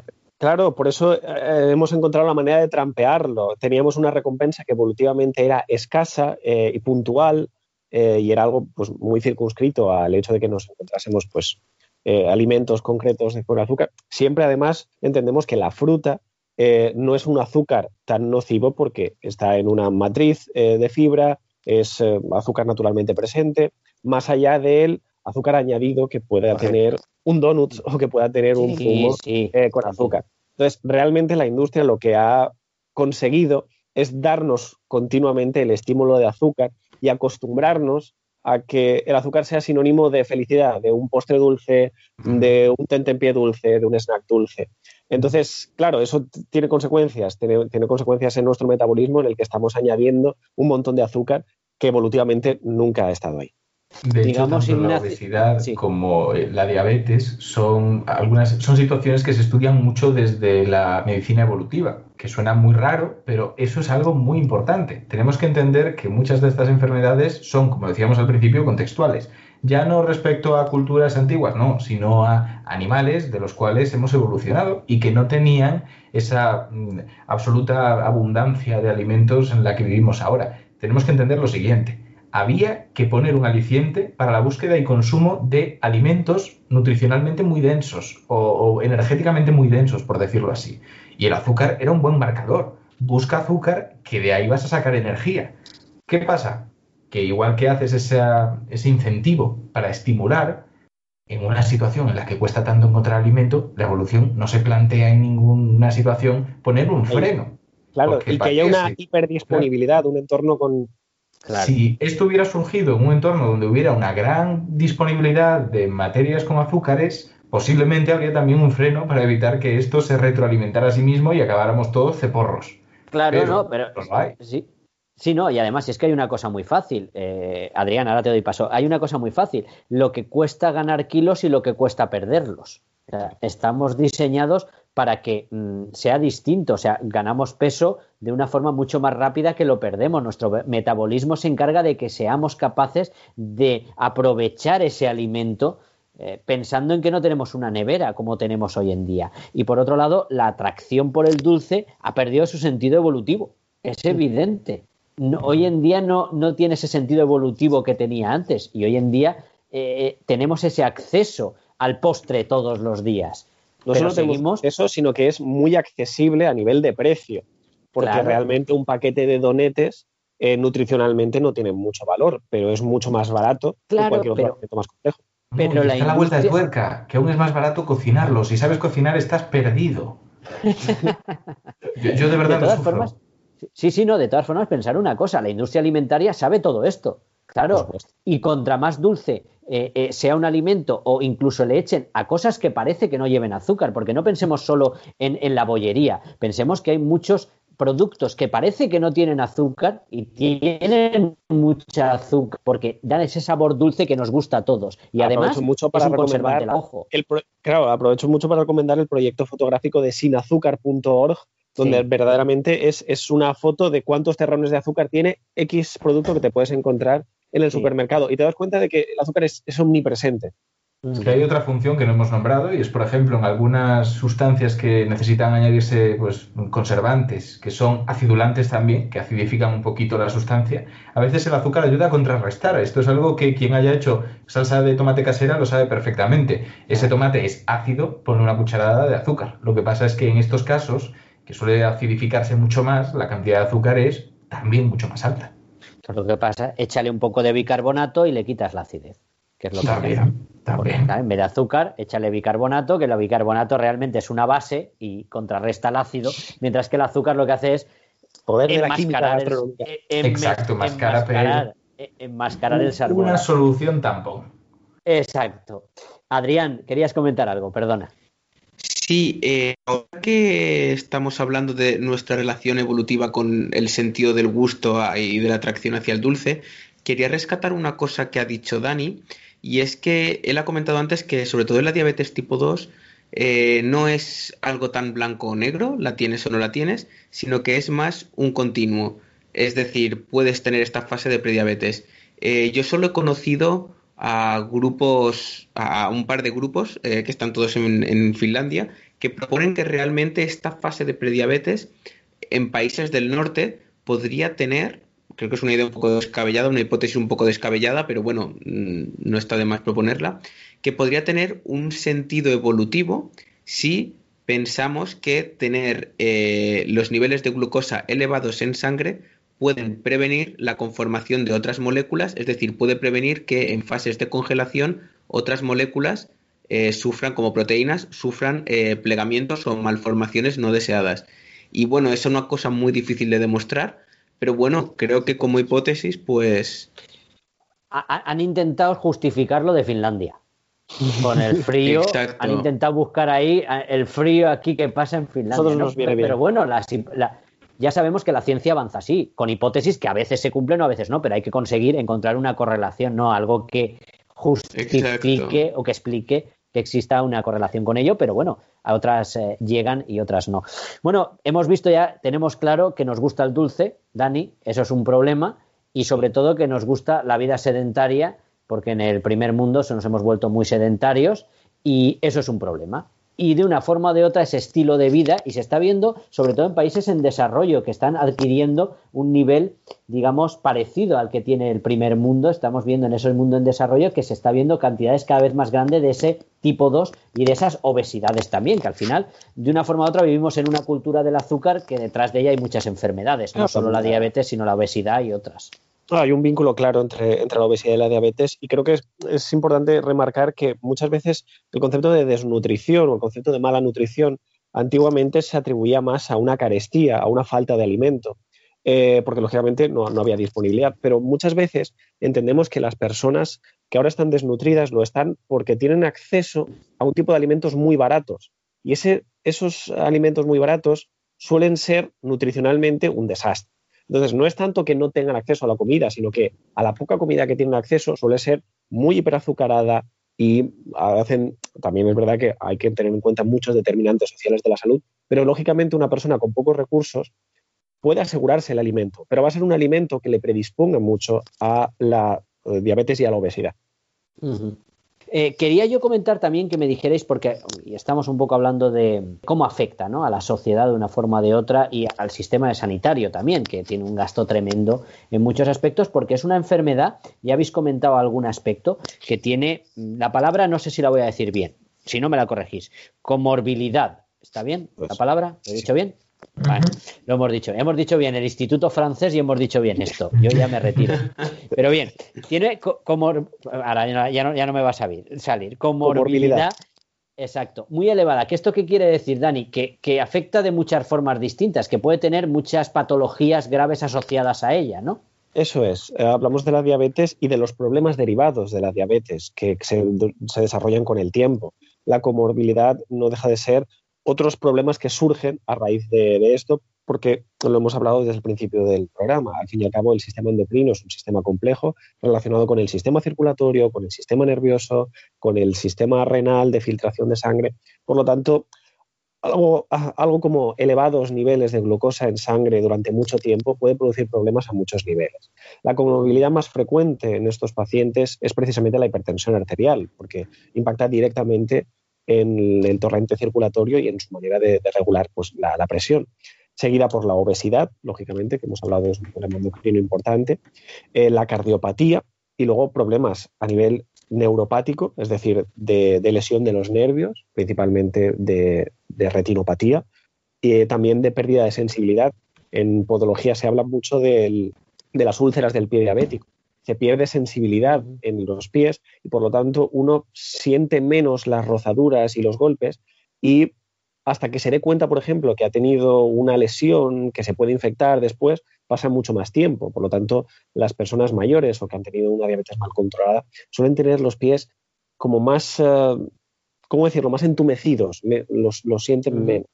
También existen problemas de hipotiroidismo, eh, el pie diabético que llamábamos, y de nefropatía. Al fin y al cabo, los altos niveles en sangre, eh, los altos niveles de azúcar en sangre, a largo plazo pueden producir un deterioro de la capacidad del riñón de filtrar. Y todo esto son problemas que van asociados a la diabetes de, mal control durante mucho tiempo. Por eso, la prevención recae primero en la detección precoz, porque lógicamente cuanto antes lo pilles, antes puedas poner remedio, y sobre todo en intentar eh, reducir mucho el efecto que tiene la diabetes en la vida si se practican hábitos de vida saludable y si se toman los medicamentos según sea necesario. Y sobre todo, sobre todo, esto es algo que ahora quizá desarrollaremos más, si el paciente tiene muy buena información sobre el automanejo de la diabetes, porque al fin y al cabo, cuando es una enfermedad que dura tanto tiempo y tiene tanta relación con el comer y con el día a día, es el paciente el que también tiene que estar empoderado e informado de cómo detectar antes de tiempo, cómo reconocer sus síntomas y cómo manejarse en ella. Ahora iremos en esa última parte del programa a hablar de esos tratamientos, de esa calidad de vida, de ese aumento de la esperanza de vida y demás. Pero Dani, por terminar con, esta parte que estás tratando, y ya que hablábamos de prevención, ya saca el tema de prevención. Antes de llegar a la enfermedad, luego hablaremos de cuando alguien ya es diabético, eh, tratamientos y demás, pero los que vivimos en este mundo en el cual este estilo de vida lo tenemos de una forma u otra eh, más o menos eh, asimilado, podríamos decir, o lo desarrollamos más de una forma o de otra, ¿cuáles son las reglas básicas para prevenir esta de tipo 2, evidentemente, porque la de tipo 1 sí que hay factores ambientales, pero no los tenemos tan claros y es mucho más complejo, y si es algo genético, pues es mucho más, eh, más complicado, evidentemente. Pero esta de tipo 2 asociada al estilo de vida, ya sé que a lo mejor es bastante evidente lo que vas a contar, pero ¿cuáles son, qué es lo que tendremos que hacer todos para intentar evitar o retardar lo máximo eh, esa predisposición que podemos tener a una, a una diabetes de tipo 2? Pues, a ver, lo primero es decir que nunca, nunca es tarde. Incluso en personas con, diabetes eh, o en estado prediabético o con diabetes instaurada, siempre hay eh, margen de maniobra para mejorar la calidad de vida y para mejorar la alimentación y, y el ejercicio. Que nunca nadie tira la toalla en ese sentido. Entonces, creo que lo primero es informarse, que si están escuchando este programa ya lo están haciendo, saber qué es la diabetes, cómo se manifiesta, eh, qué significa eh, en el cuerpo y el metabolismo. Em, y después, pues, seguir un estilo de vida um, que recaiga en una alimentación saludable, una alimentación que no sobrecargue tanto eh, ni le dé tanta importancia a los carbohidratos, sino que funcione con otros requerimientos nutricionales de proteína, de grasas de calidad y demás. Eh, evitar el sedentarismo, lógicamente, no tanto ya, que esto lo digo en todos los programas, no tanto por esta eh, patología en concreto, la diabetes, sino por todas las demás. Al fin y al cabo, es la mejor apuesta en salud que uno puede hacer, evitar el sedentarismo y comer mejor. Em, seguir también a, a, perfiles de gente que puedan em, informarte bien y mejor, que tengan formación sobre el tema de la diabetes, porque verdaderamente la diabetes es compleja y esto no se aprende con una visita rápida a la Wikipedia. Y luego el de siempre, sobre todo evitar tóxicos. El tabaco nunca, y siendo diabético aún menos. Así que ese tipo de cosas, incluida el alcohol, siempre viene bien tener en cuenta que está empeorando tu diabetes y todo lo. Pues creo que como recomendación está claro que prevenir es curar, como se decía en un programa de televisión, y creo que al final es importante. Vamos a hacer, si os parece, la última pausa, tomamos un poquito de oxígeno y volvemos y rematamos hablando pues de investigación, de nuevos tratamientos, de tratamientos de calidad de vida, de esperanza de vida y de qué se está haciendo para intentar mejorar la vida, por un lado, de los eh, enfermos eh, de diabetes y por otro lado, pues esas esperanzas que puedan haber para curar la diabetes. Porque nos preguntaremos, ¿se cura la diabetes? Ahora lo contestamos. ¿Tienes que realizar un evento promocional? Nexus. Te ofrecemos la gestión integral de tu evento sin que tengas que preocuparte de nada. Llámanos al 96 358 0542 o visítanos en nexusagencia.com. Eventos, azafatas y promociones. Nexus.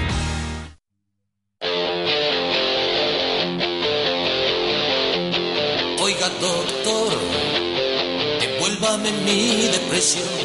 No ve que los amigos se apartan de mí. Dicen que no se puede consentir esa sonrisa idiota. Oiga, doctor, que no escribo una nota desde que soy feliz. Oiga, doctor, devuélvame mi rebeldía. Ahora que a la viajo con American Express algunas de las cosas.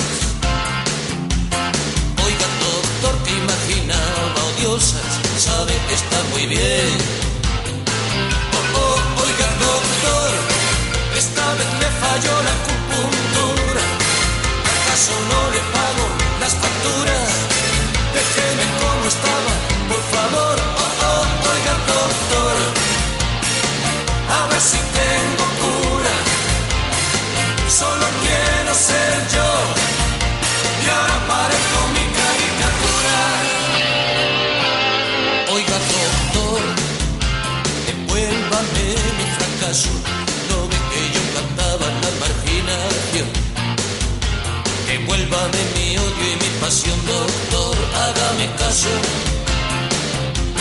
Quiero volver a ser aquel payaso con alas en los pies Oh, oh, oiga, doctor, devuélvame mi excitación. Llevo ya cinco meses sin una erección. Incluso en un gimnasio me inscribí, pero no me curaron. Oiga, doctor, cada miembro me hincharon, menos el viril. Oh, oh, oiga, doctor, esta vez me falló la acupuntura ¿Acaso no le pago las facturas? Déjeme como estaba, por favor, oh, oiga doctor, que ya no se me empina desde que me mando tener cuidado con la nicotina.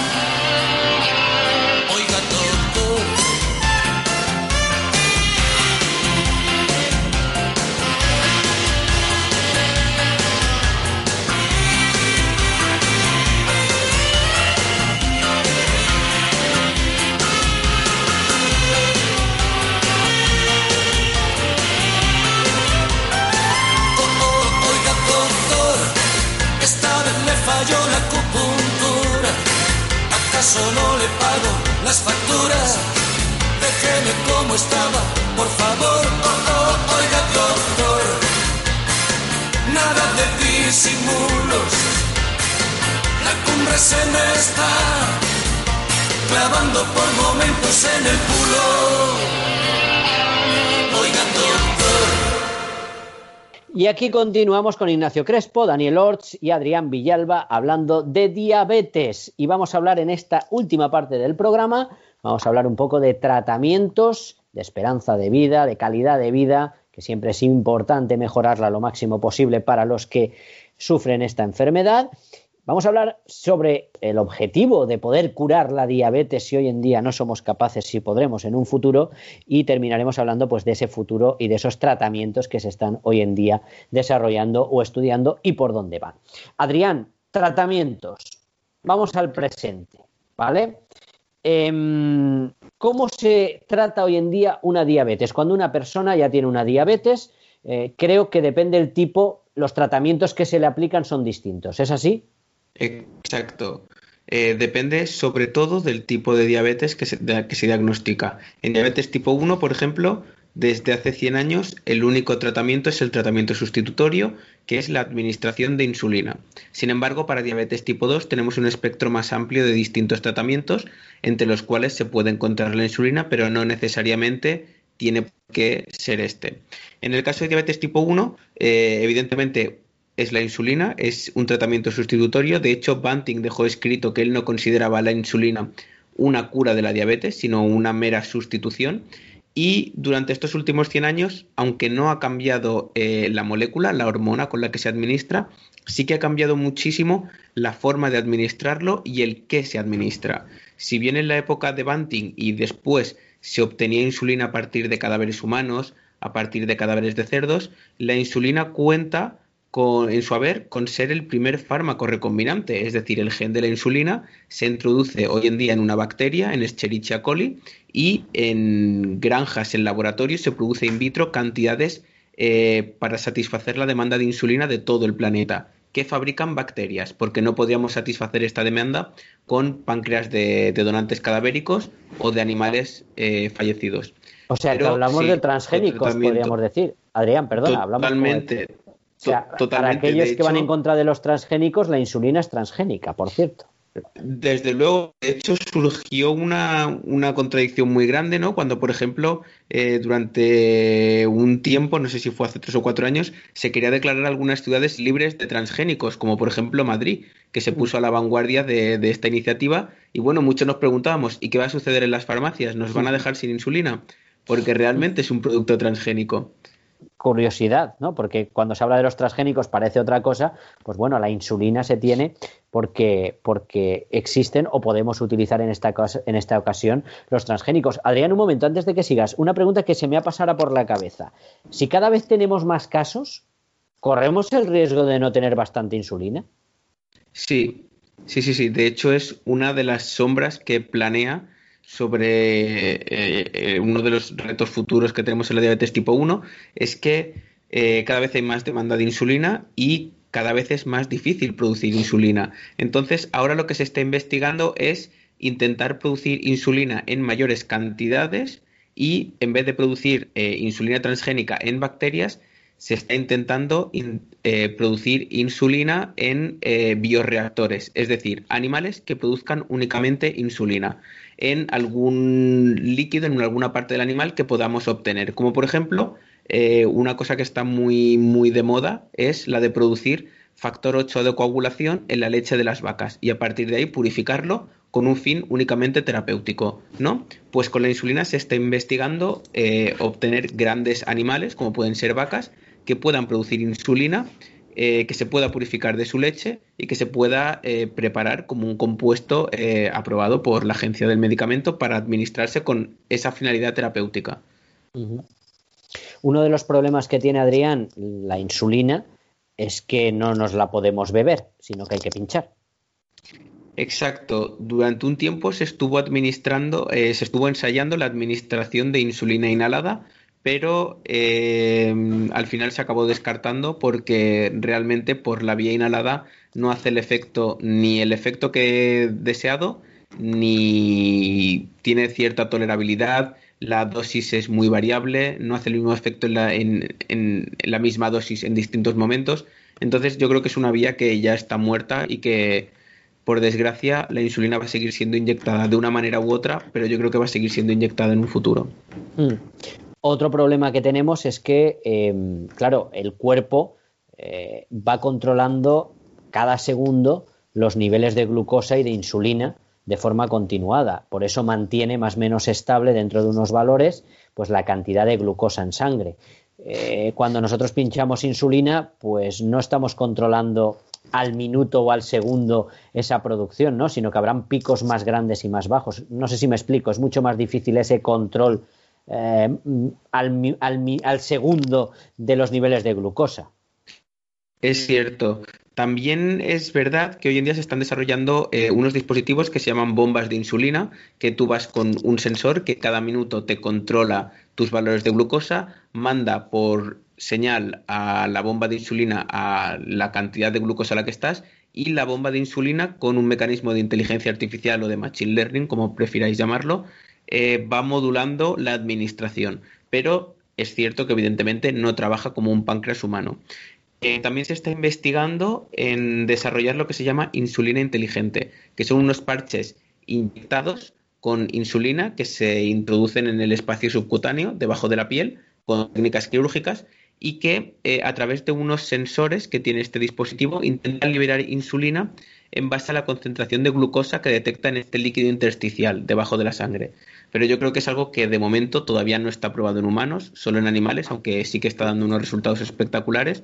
Pero creo que a día de hoy podemos decir que de momento es ciencia ficción. Y claro, la gente se estará preguntando, esto es de cara al futuro, como dice Adrián, pero ¿cómo hacemos ahora? Pues quien quiera echarle un ojo al tema fármacos descubrirá que eso de insulina y punto, pues es una entelequia. Y tenemos formas distintas de presentarla para que su acción sea diferente. Que empiece más rápido, que empiece más lento, que dure más tiempo, que dure menos. Y combinando esto y teniendo algunas dosis de rescate en momentos adecuados, pues se puede intentar emular muy como la cuenta de la vieja, esto que con suerte en el futuro se hará a través de las técnicas que ha dicho Adrián. Y Adrián, también por otro lado, hablábamos del tipo 1, pero en el tipo 2 me has dicho, en contra de lo que a lo mejor se puede pensar desde fuera, que el, el, hecho de la insulina es en casos muy excepcionales y a lo mejor en fases muy avanzadas, ¿no? Pero para las personas que tienen tipo 2, o sea, que sí que fabrican insulina pero que hay un error, podríamos decir, ¿no? en esa insulina o que las células no la detectan bien o en las células o en la propia insulina, eh, un error en la llave que decíamos, ¿no? que no, no es que no hubiera llave, para esos casos hay otras estrategias, ¿no? Antes que la insulina, hay medicamentos, tal cual. Exacto. En diabetes tipo 2, la primera vía clásica de acción a nivel farmacológico suele ser la de fármacos sensibilizantes. Es decir, eh, en diabetes tipo 2 tenemos un exceso de, eh, glucosa, pero también se produce insulina. Entonces, lo que intentamos hacer es, eh, podemos actuar en distintas vías, o bien intentando que no se absorba con algunos fármacos toda la glucosa en el estómago o en el intestino, o bien eh, promoviendo la excreción de esta glucosa que se filtra a través del riñón y que eliminamos mediante la orina, o incluso reduciendo la gluconeogénesis, que es el proceso por el cual nuestros hígados y hasta cierto punto también nuestros riñones pueden eh, producir nueva glucosa que se acaba vertiendo al torrente sanguíneo. Esta es la primera línea de acción. Luego sí que es verdad que los fármacos de última generación son los que eh, denominamos como incretinas o como fármacos insulinotrópicos, que lo que hacen es eh, estimular la producción endógena de insulina. Si un paciente con diabetes tipo 2 tiene célula beta que produce insulina defectuosa y que no es capaz de rendir al 100%, podemos estimular su producción de insulina para que produciendo más insulina de la necesaria, a lo mejor tengamos el efecto que requeriríamos con la insulina que se estaba produciendo antes. Hablábamos de tratamientos de una forma o de otra. Vemos cómo eh, en el tema de la tipo 2 se están desarrollando medicamentos como este último que acabas de decir y que, pues bueno, dentro de lo que cabe hay tratamientos, ¿no? Pero tratamientos que no curan, ¿no? Porque a día de hoy ¿Es posible curar la diabetes, Adrián? Hoy en día no es posible curar la diabetes en general, pero sí es cierto que hay algunos casos determinados porque, así como hemos dicho que dentro del paraguas de diabetes se engloban distintas enfermedades, parece ser que dentro del paraguas de diabetes tipo 1 y sobre todo de diabetes tipo 2 también se engloban otras enfermedades. Y hoy en día sí que sabemos que unos tipos de diabetes tipo 2, valga la redundancia, sí que son posibles eh, curarlos eh, cuando se encuentra en un estadio muy temprano, modificando los hábitos de vida y que permiten eliminar la acción farmacológica. Lo que pasa que realmente nunca llegamos a saber si alguno de estos pacientes realmente se ha curado o lo que hemos hecho ha sido prevenir un estadio más grave de diabetes tipo 2 y de hiperglicemia. Comentabas, Adrián, que seguimos utilizando, sobre todo en tipo 1, la misma terapia, podríamos decir, ¿no? La insulina, lo mismo que hace 100 años.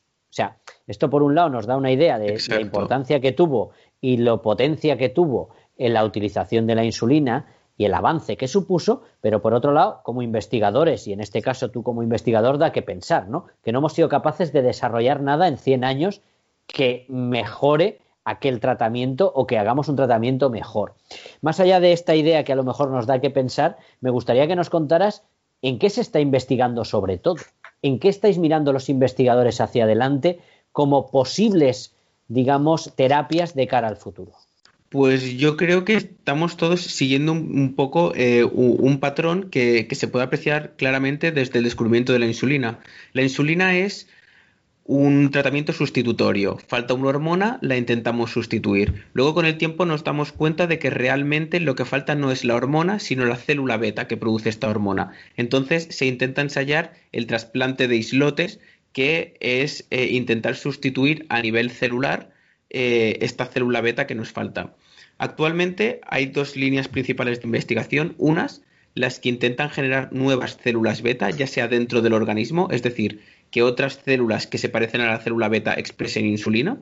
Esto pues, se, denomina en, nuestro campo académico como el efecto de la transdiferenciación. Una célula se convierte, se diferencia en otra célula que antes no era. Y otra de las líneas en las que se está investigando es sobre todo en terapias combinadas que intentan no solo sustituir eh, la fuente de producción de insulina de la célula beta, no solo regenerar esta célula beta, sino decir, bueno, ya que sabemos, ya que tenemos más información, ya que sabemos que la célula beta se está destruyendo por el sistema inmunitario, vamos a intentar explicarle a nuestro sistema inmunitario que puede seguir funcionando sin atacar específicamente a la célula beta. Y esa es una de las líneas más prometedoras que hay hoy en día de investigación. Adrián, supongo que, sobre todo en el primer eh, tipo que me has dicho, eh, las células madre tienen mucho que ver, porque has dicho crear células capaces de y he pensado enseguida en células madre. Además, tú has escrito un libro sobre ello, que por cierto, podríamos hacer un programa en un futuro sobre células madre, que hay mucho que hablar sobre ello. Pero independientemente de eso, supongo que tendrán algo que ver las células madre en todo eso. Exacto. Eh, la gran ventaja que nos dan las células madres es que las podemos diferenciar en lo que queramos y sabemos bastante bien cómo diferenciarlas en células beta. Entonces es muy fácil generar eh, la cantidad suficiente de células beta en el laboratorio como para ser trasplantadas en un paciente. El principal problema que nos encontramos es que estas células beta no se van a reconocer como células propias porque el problema que tiene el paciente con diabetes tipo 1 es de base, es su sistema inmunitario, que por lo que sea va a seguir atacando de forma redundante la célula beta. Entonces tenemos que investigar cómo acompañar esta célula beta. Ahora hablamos muchísimo de, en, términos académicos de estas células madre que se diferencian en células beta elusivas, es decir, que se pueden esconder de las células reactivas del sistema inmunitario que las van a atacar para poder hacer su función, producir insulina, pero sin ser reconocidas por estas células del sistema inmunitario. Adrián, otra pregunta. ¿Crees tú que en un futuro más cercano o más lejano, esperemos que más cercano, podremos decir que somos capaces de curar la diabetes? Yo quiero pensar que sí. De hecho, antes siempre decía, estoy 100% seguro que esto sucederá. Nunca puedes decir en la vida que estás 100% seguro de algo, de algo, pero yo quiero pensar que sí. Y los principales motivos que tengo eh, para decir que se va a curar la diabetes es que eh, la diabetes se ha curado en modelos animales. No todas las enfermedades conseguimos reproducirlas en animales y el hecho de que podamos reproducir distintos tipos de diabetes en animales y curarlos creo que es un paso mm, fundamental para descubrir una cura eh, para la diabetes. De hecho, la insulina primero se probó en animales antes de pasar a personas. Es el, ejemplo más claro que tenemos en nuestro campo. Y segundo, que aunque sea de forma paradójica y casos muy pequeños, muy raros y que seguramente sean el 0,01%, sabemos de casos espontáneos de pacientes que se han curado de diabetes tipo 1 y de diabetes tipo 2, lo cual nos quiere decir que la naturaleza no es totalmente beligerante con los casos de diabetes, aunque sí que lo sea en su mayoría. Entonces, por estos motivos yo creo que la diabetes se va a curar. Y si me permitís ir más lejos, eh, me gustaría comentar que esto muchas personas no lo saben. Eh, la reina de Inglaterra, a finales de los 80, inauguró una llama infinita, una llama que evidentemente están alimentando todo el rato para que no se apague, como la de los Juegos Olímpicos en Canadá, y se llama The Flame of Hope, la llama de la esperanza. Y está en Canadá porque es el lugar donde se mm, descubrió la insulina y donde Banting eh, realizó todas sus investigaciones después de descubrir la insulina para intentar curar la diabetes, porque como, como insisto, él nunca determinó que la insulina fuera la cura definitiva para la diabetes. Entonces esa llama va a seguir activa hasta que algún científico descubra cuál es la cura de la diabetes y entonces ese científico será invitado en una ceremonia formal a apagar esa llama. Yo eh, seguro que las casas de apuestas en un futuro hacen algo parecido, pero si yo tuviese que apostar todo mi dinero en qué sentido va a ir eh, la investigación de la persona a la que espero ver apagar esa llama, estoy 100% seguro que pasa por algún tema relacionado con la regeneración de la célula beta del páncreas y con el uso de conocimiento que hemos aprendido a partir de células madre. Creo que va a ser algo fundamental y que va a cambiar el transcurso de, de la historia de, de la diabetes. Pues será uno de los grandes momentos de la historia de la humanidad y de la historia de la ciencia, el momento en el que alguien apague esa vela, sin duda. Será uno de esos grandes momentos a recordar. Y por último, Adrián, y aprovechando en este caso, eh, que tú eres un enfermo, en este caso de diabetes, eres un paciente de diabetes, queda mejor que enfermo, pero bueno, paciente de diabetes. Eh, calidad de vida. Mm, ¿Cómo es el día a día de un diabético? ¿Se puede vivir bien una vida normal siendo diabético tipo 1 hoy en día? He de decir que ha mejorado muchísimo desde 2007, que es la época en la que yo debuté con diabetes tipo 1, que yo, por ejemplo, ahora utilizo bomba de insulina, sensor, y no es eh, nada parecido a lo que es administrarte tu propio, calcularte tú mismo tu dosis de insulina, pero creo que sigue siendo insuficiente. Creo que seguimos teniendo el mismo porcentaje de complicaciones que hace 10 años. Es decir, esto nos hace la vida más cómoda, pero no nos la hace eh, mejor a nivel de complicaciones, a nivel de salud, y por eso creo que sigue siendo imprescindible eh, investigar y buscar una cura para esta enfermedad. Y tú en este caso que estás en ese lado, en el de la investigación y en el del paciente, pues pedirás con más ahínco, evidentemente, en este caso, más dinero y más medios para la investigación. Pero, pero al final, una enfermedad que, como hemos dicho, o un conjunto de enfermedades, me da igual, que afecta a cerca de 400 y pico millones de habitantes en el mundo y que pueda afectar a cualquiera, porque no es solo una cuestión genética, sino una cuestión ambiental, una cuestión del estilo de vida, que todos podemos estar ahí más tarde o más temprano, pues hombre, todo lo que se avance en poder encontrar una cura, pues bienvenido sea, sin duda. Veremos, Adrián, esperemos que podamos ver y contar, que sería bueno ver y contar ese apagado de la llama. Me quedo con esa idea. Ojalá. Ojalá. Bueno, señores, vamos a ir terminando. Creo que hemos hecho un barrido a lo largo de la historia, a lo largo de qué es la diabetes, los tipos que hay, qué sucede en cada uno de ellos, qué podemos hacer en cada uno de ellos o qué se hace en cuanto a tratamiento, cuánta gente hay afectada y qué tratamientos se están estudiando de cara al futuro.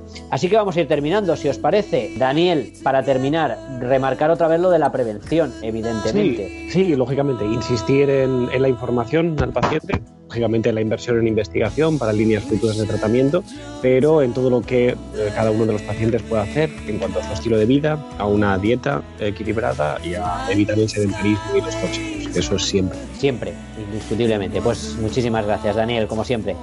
Muchas gracias a vosotros. Gracias. Adrián, ha sido un verdadero placer que nos contaras, no sé si estás en París, pero si estás en París todavía queda Sí. más chulo.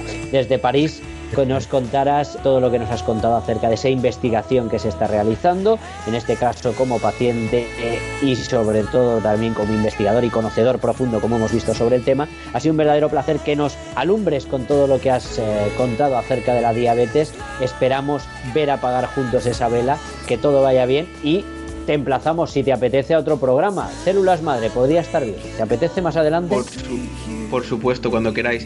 El placer es mío. Yo sabéis que siempre estoy encantado de poder hablar de diabetes en, en cualquier medio de comunicación. Así que muchísimas gracias por organizar este programa. Gracias a ti, Adrián, por supuesto. Ignacio, Dime. ¿hacemos otro de medicina o qué? Va, venga. Vale, ¿Tú ves me parece bien. A ver, el de historia de la cirugía le tengo muchas ganas desde hace tiempo, ¿eh?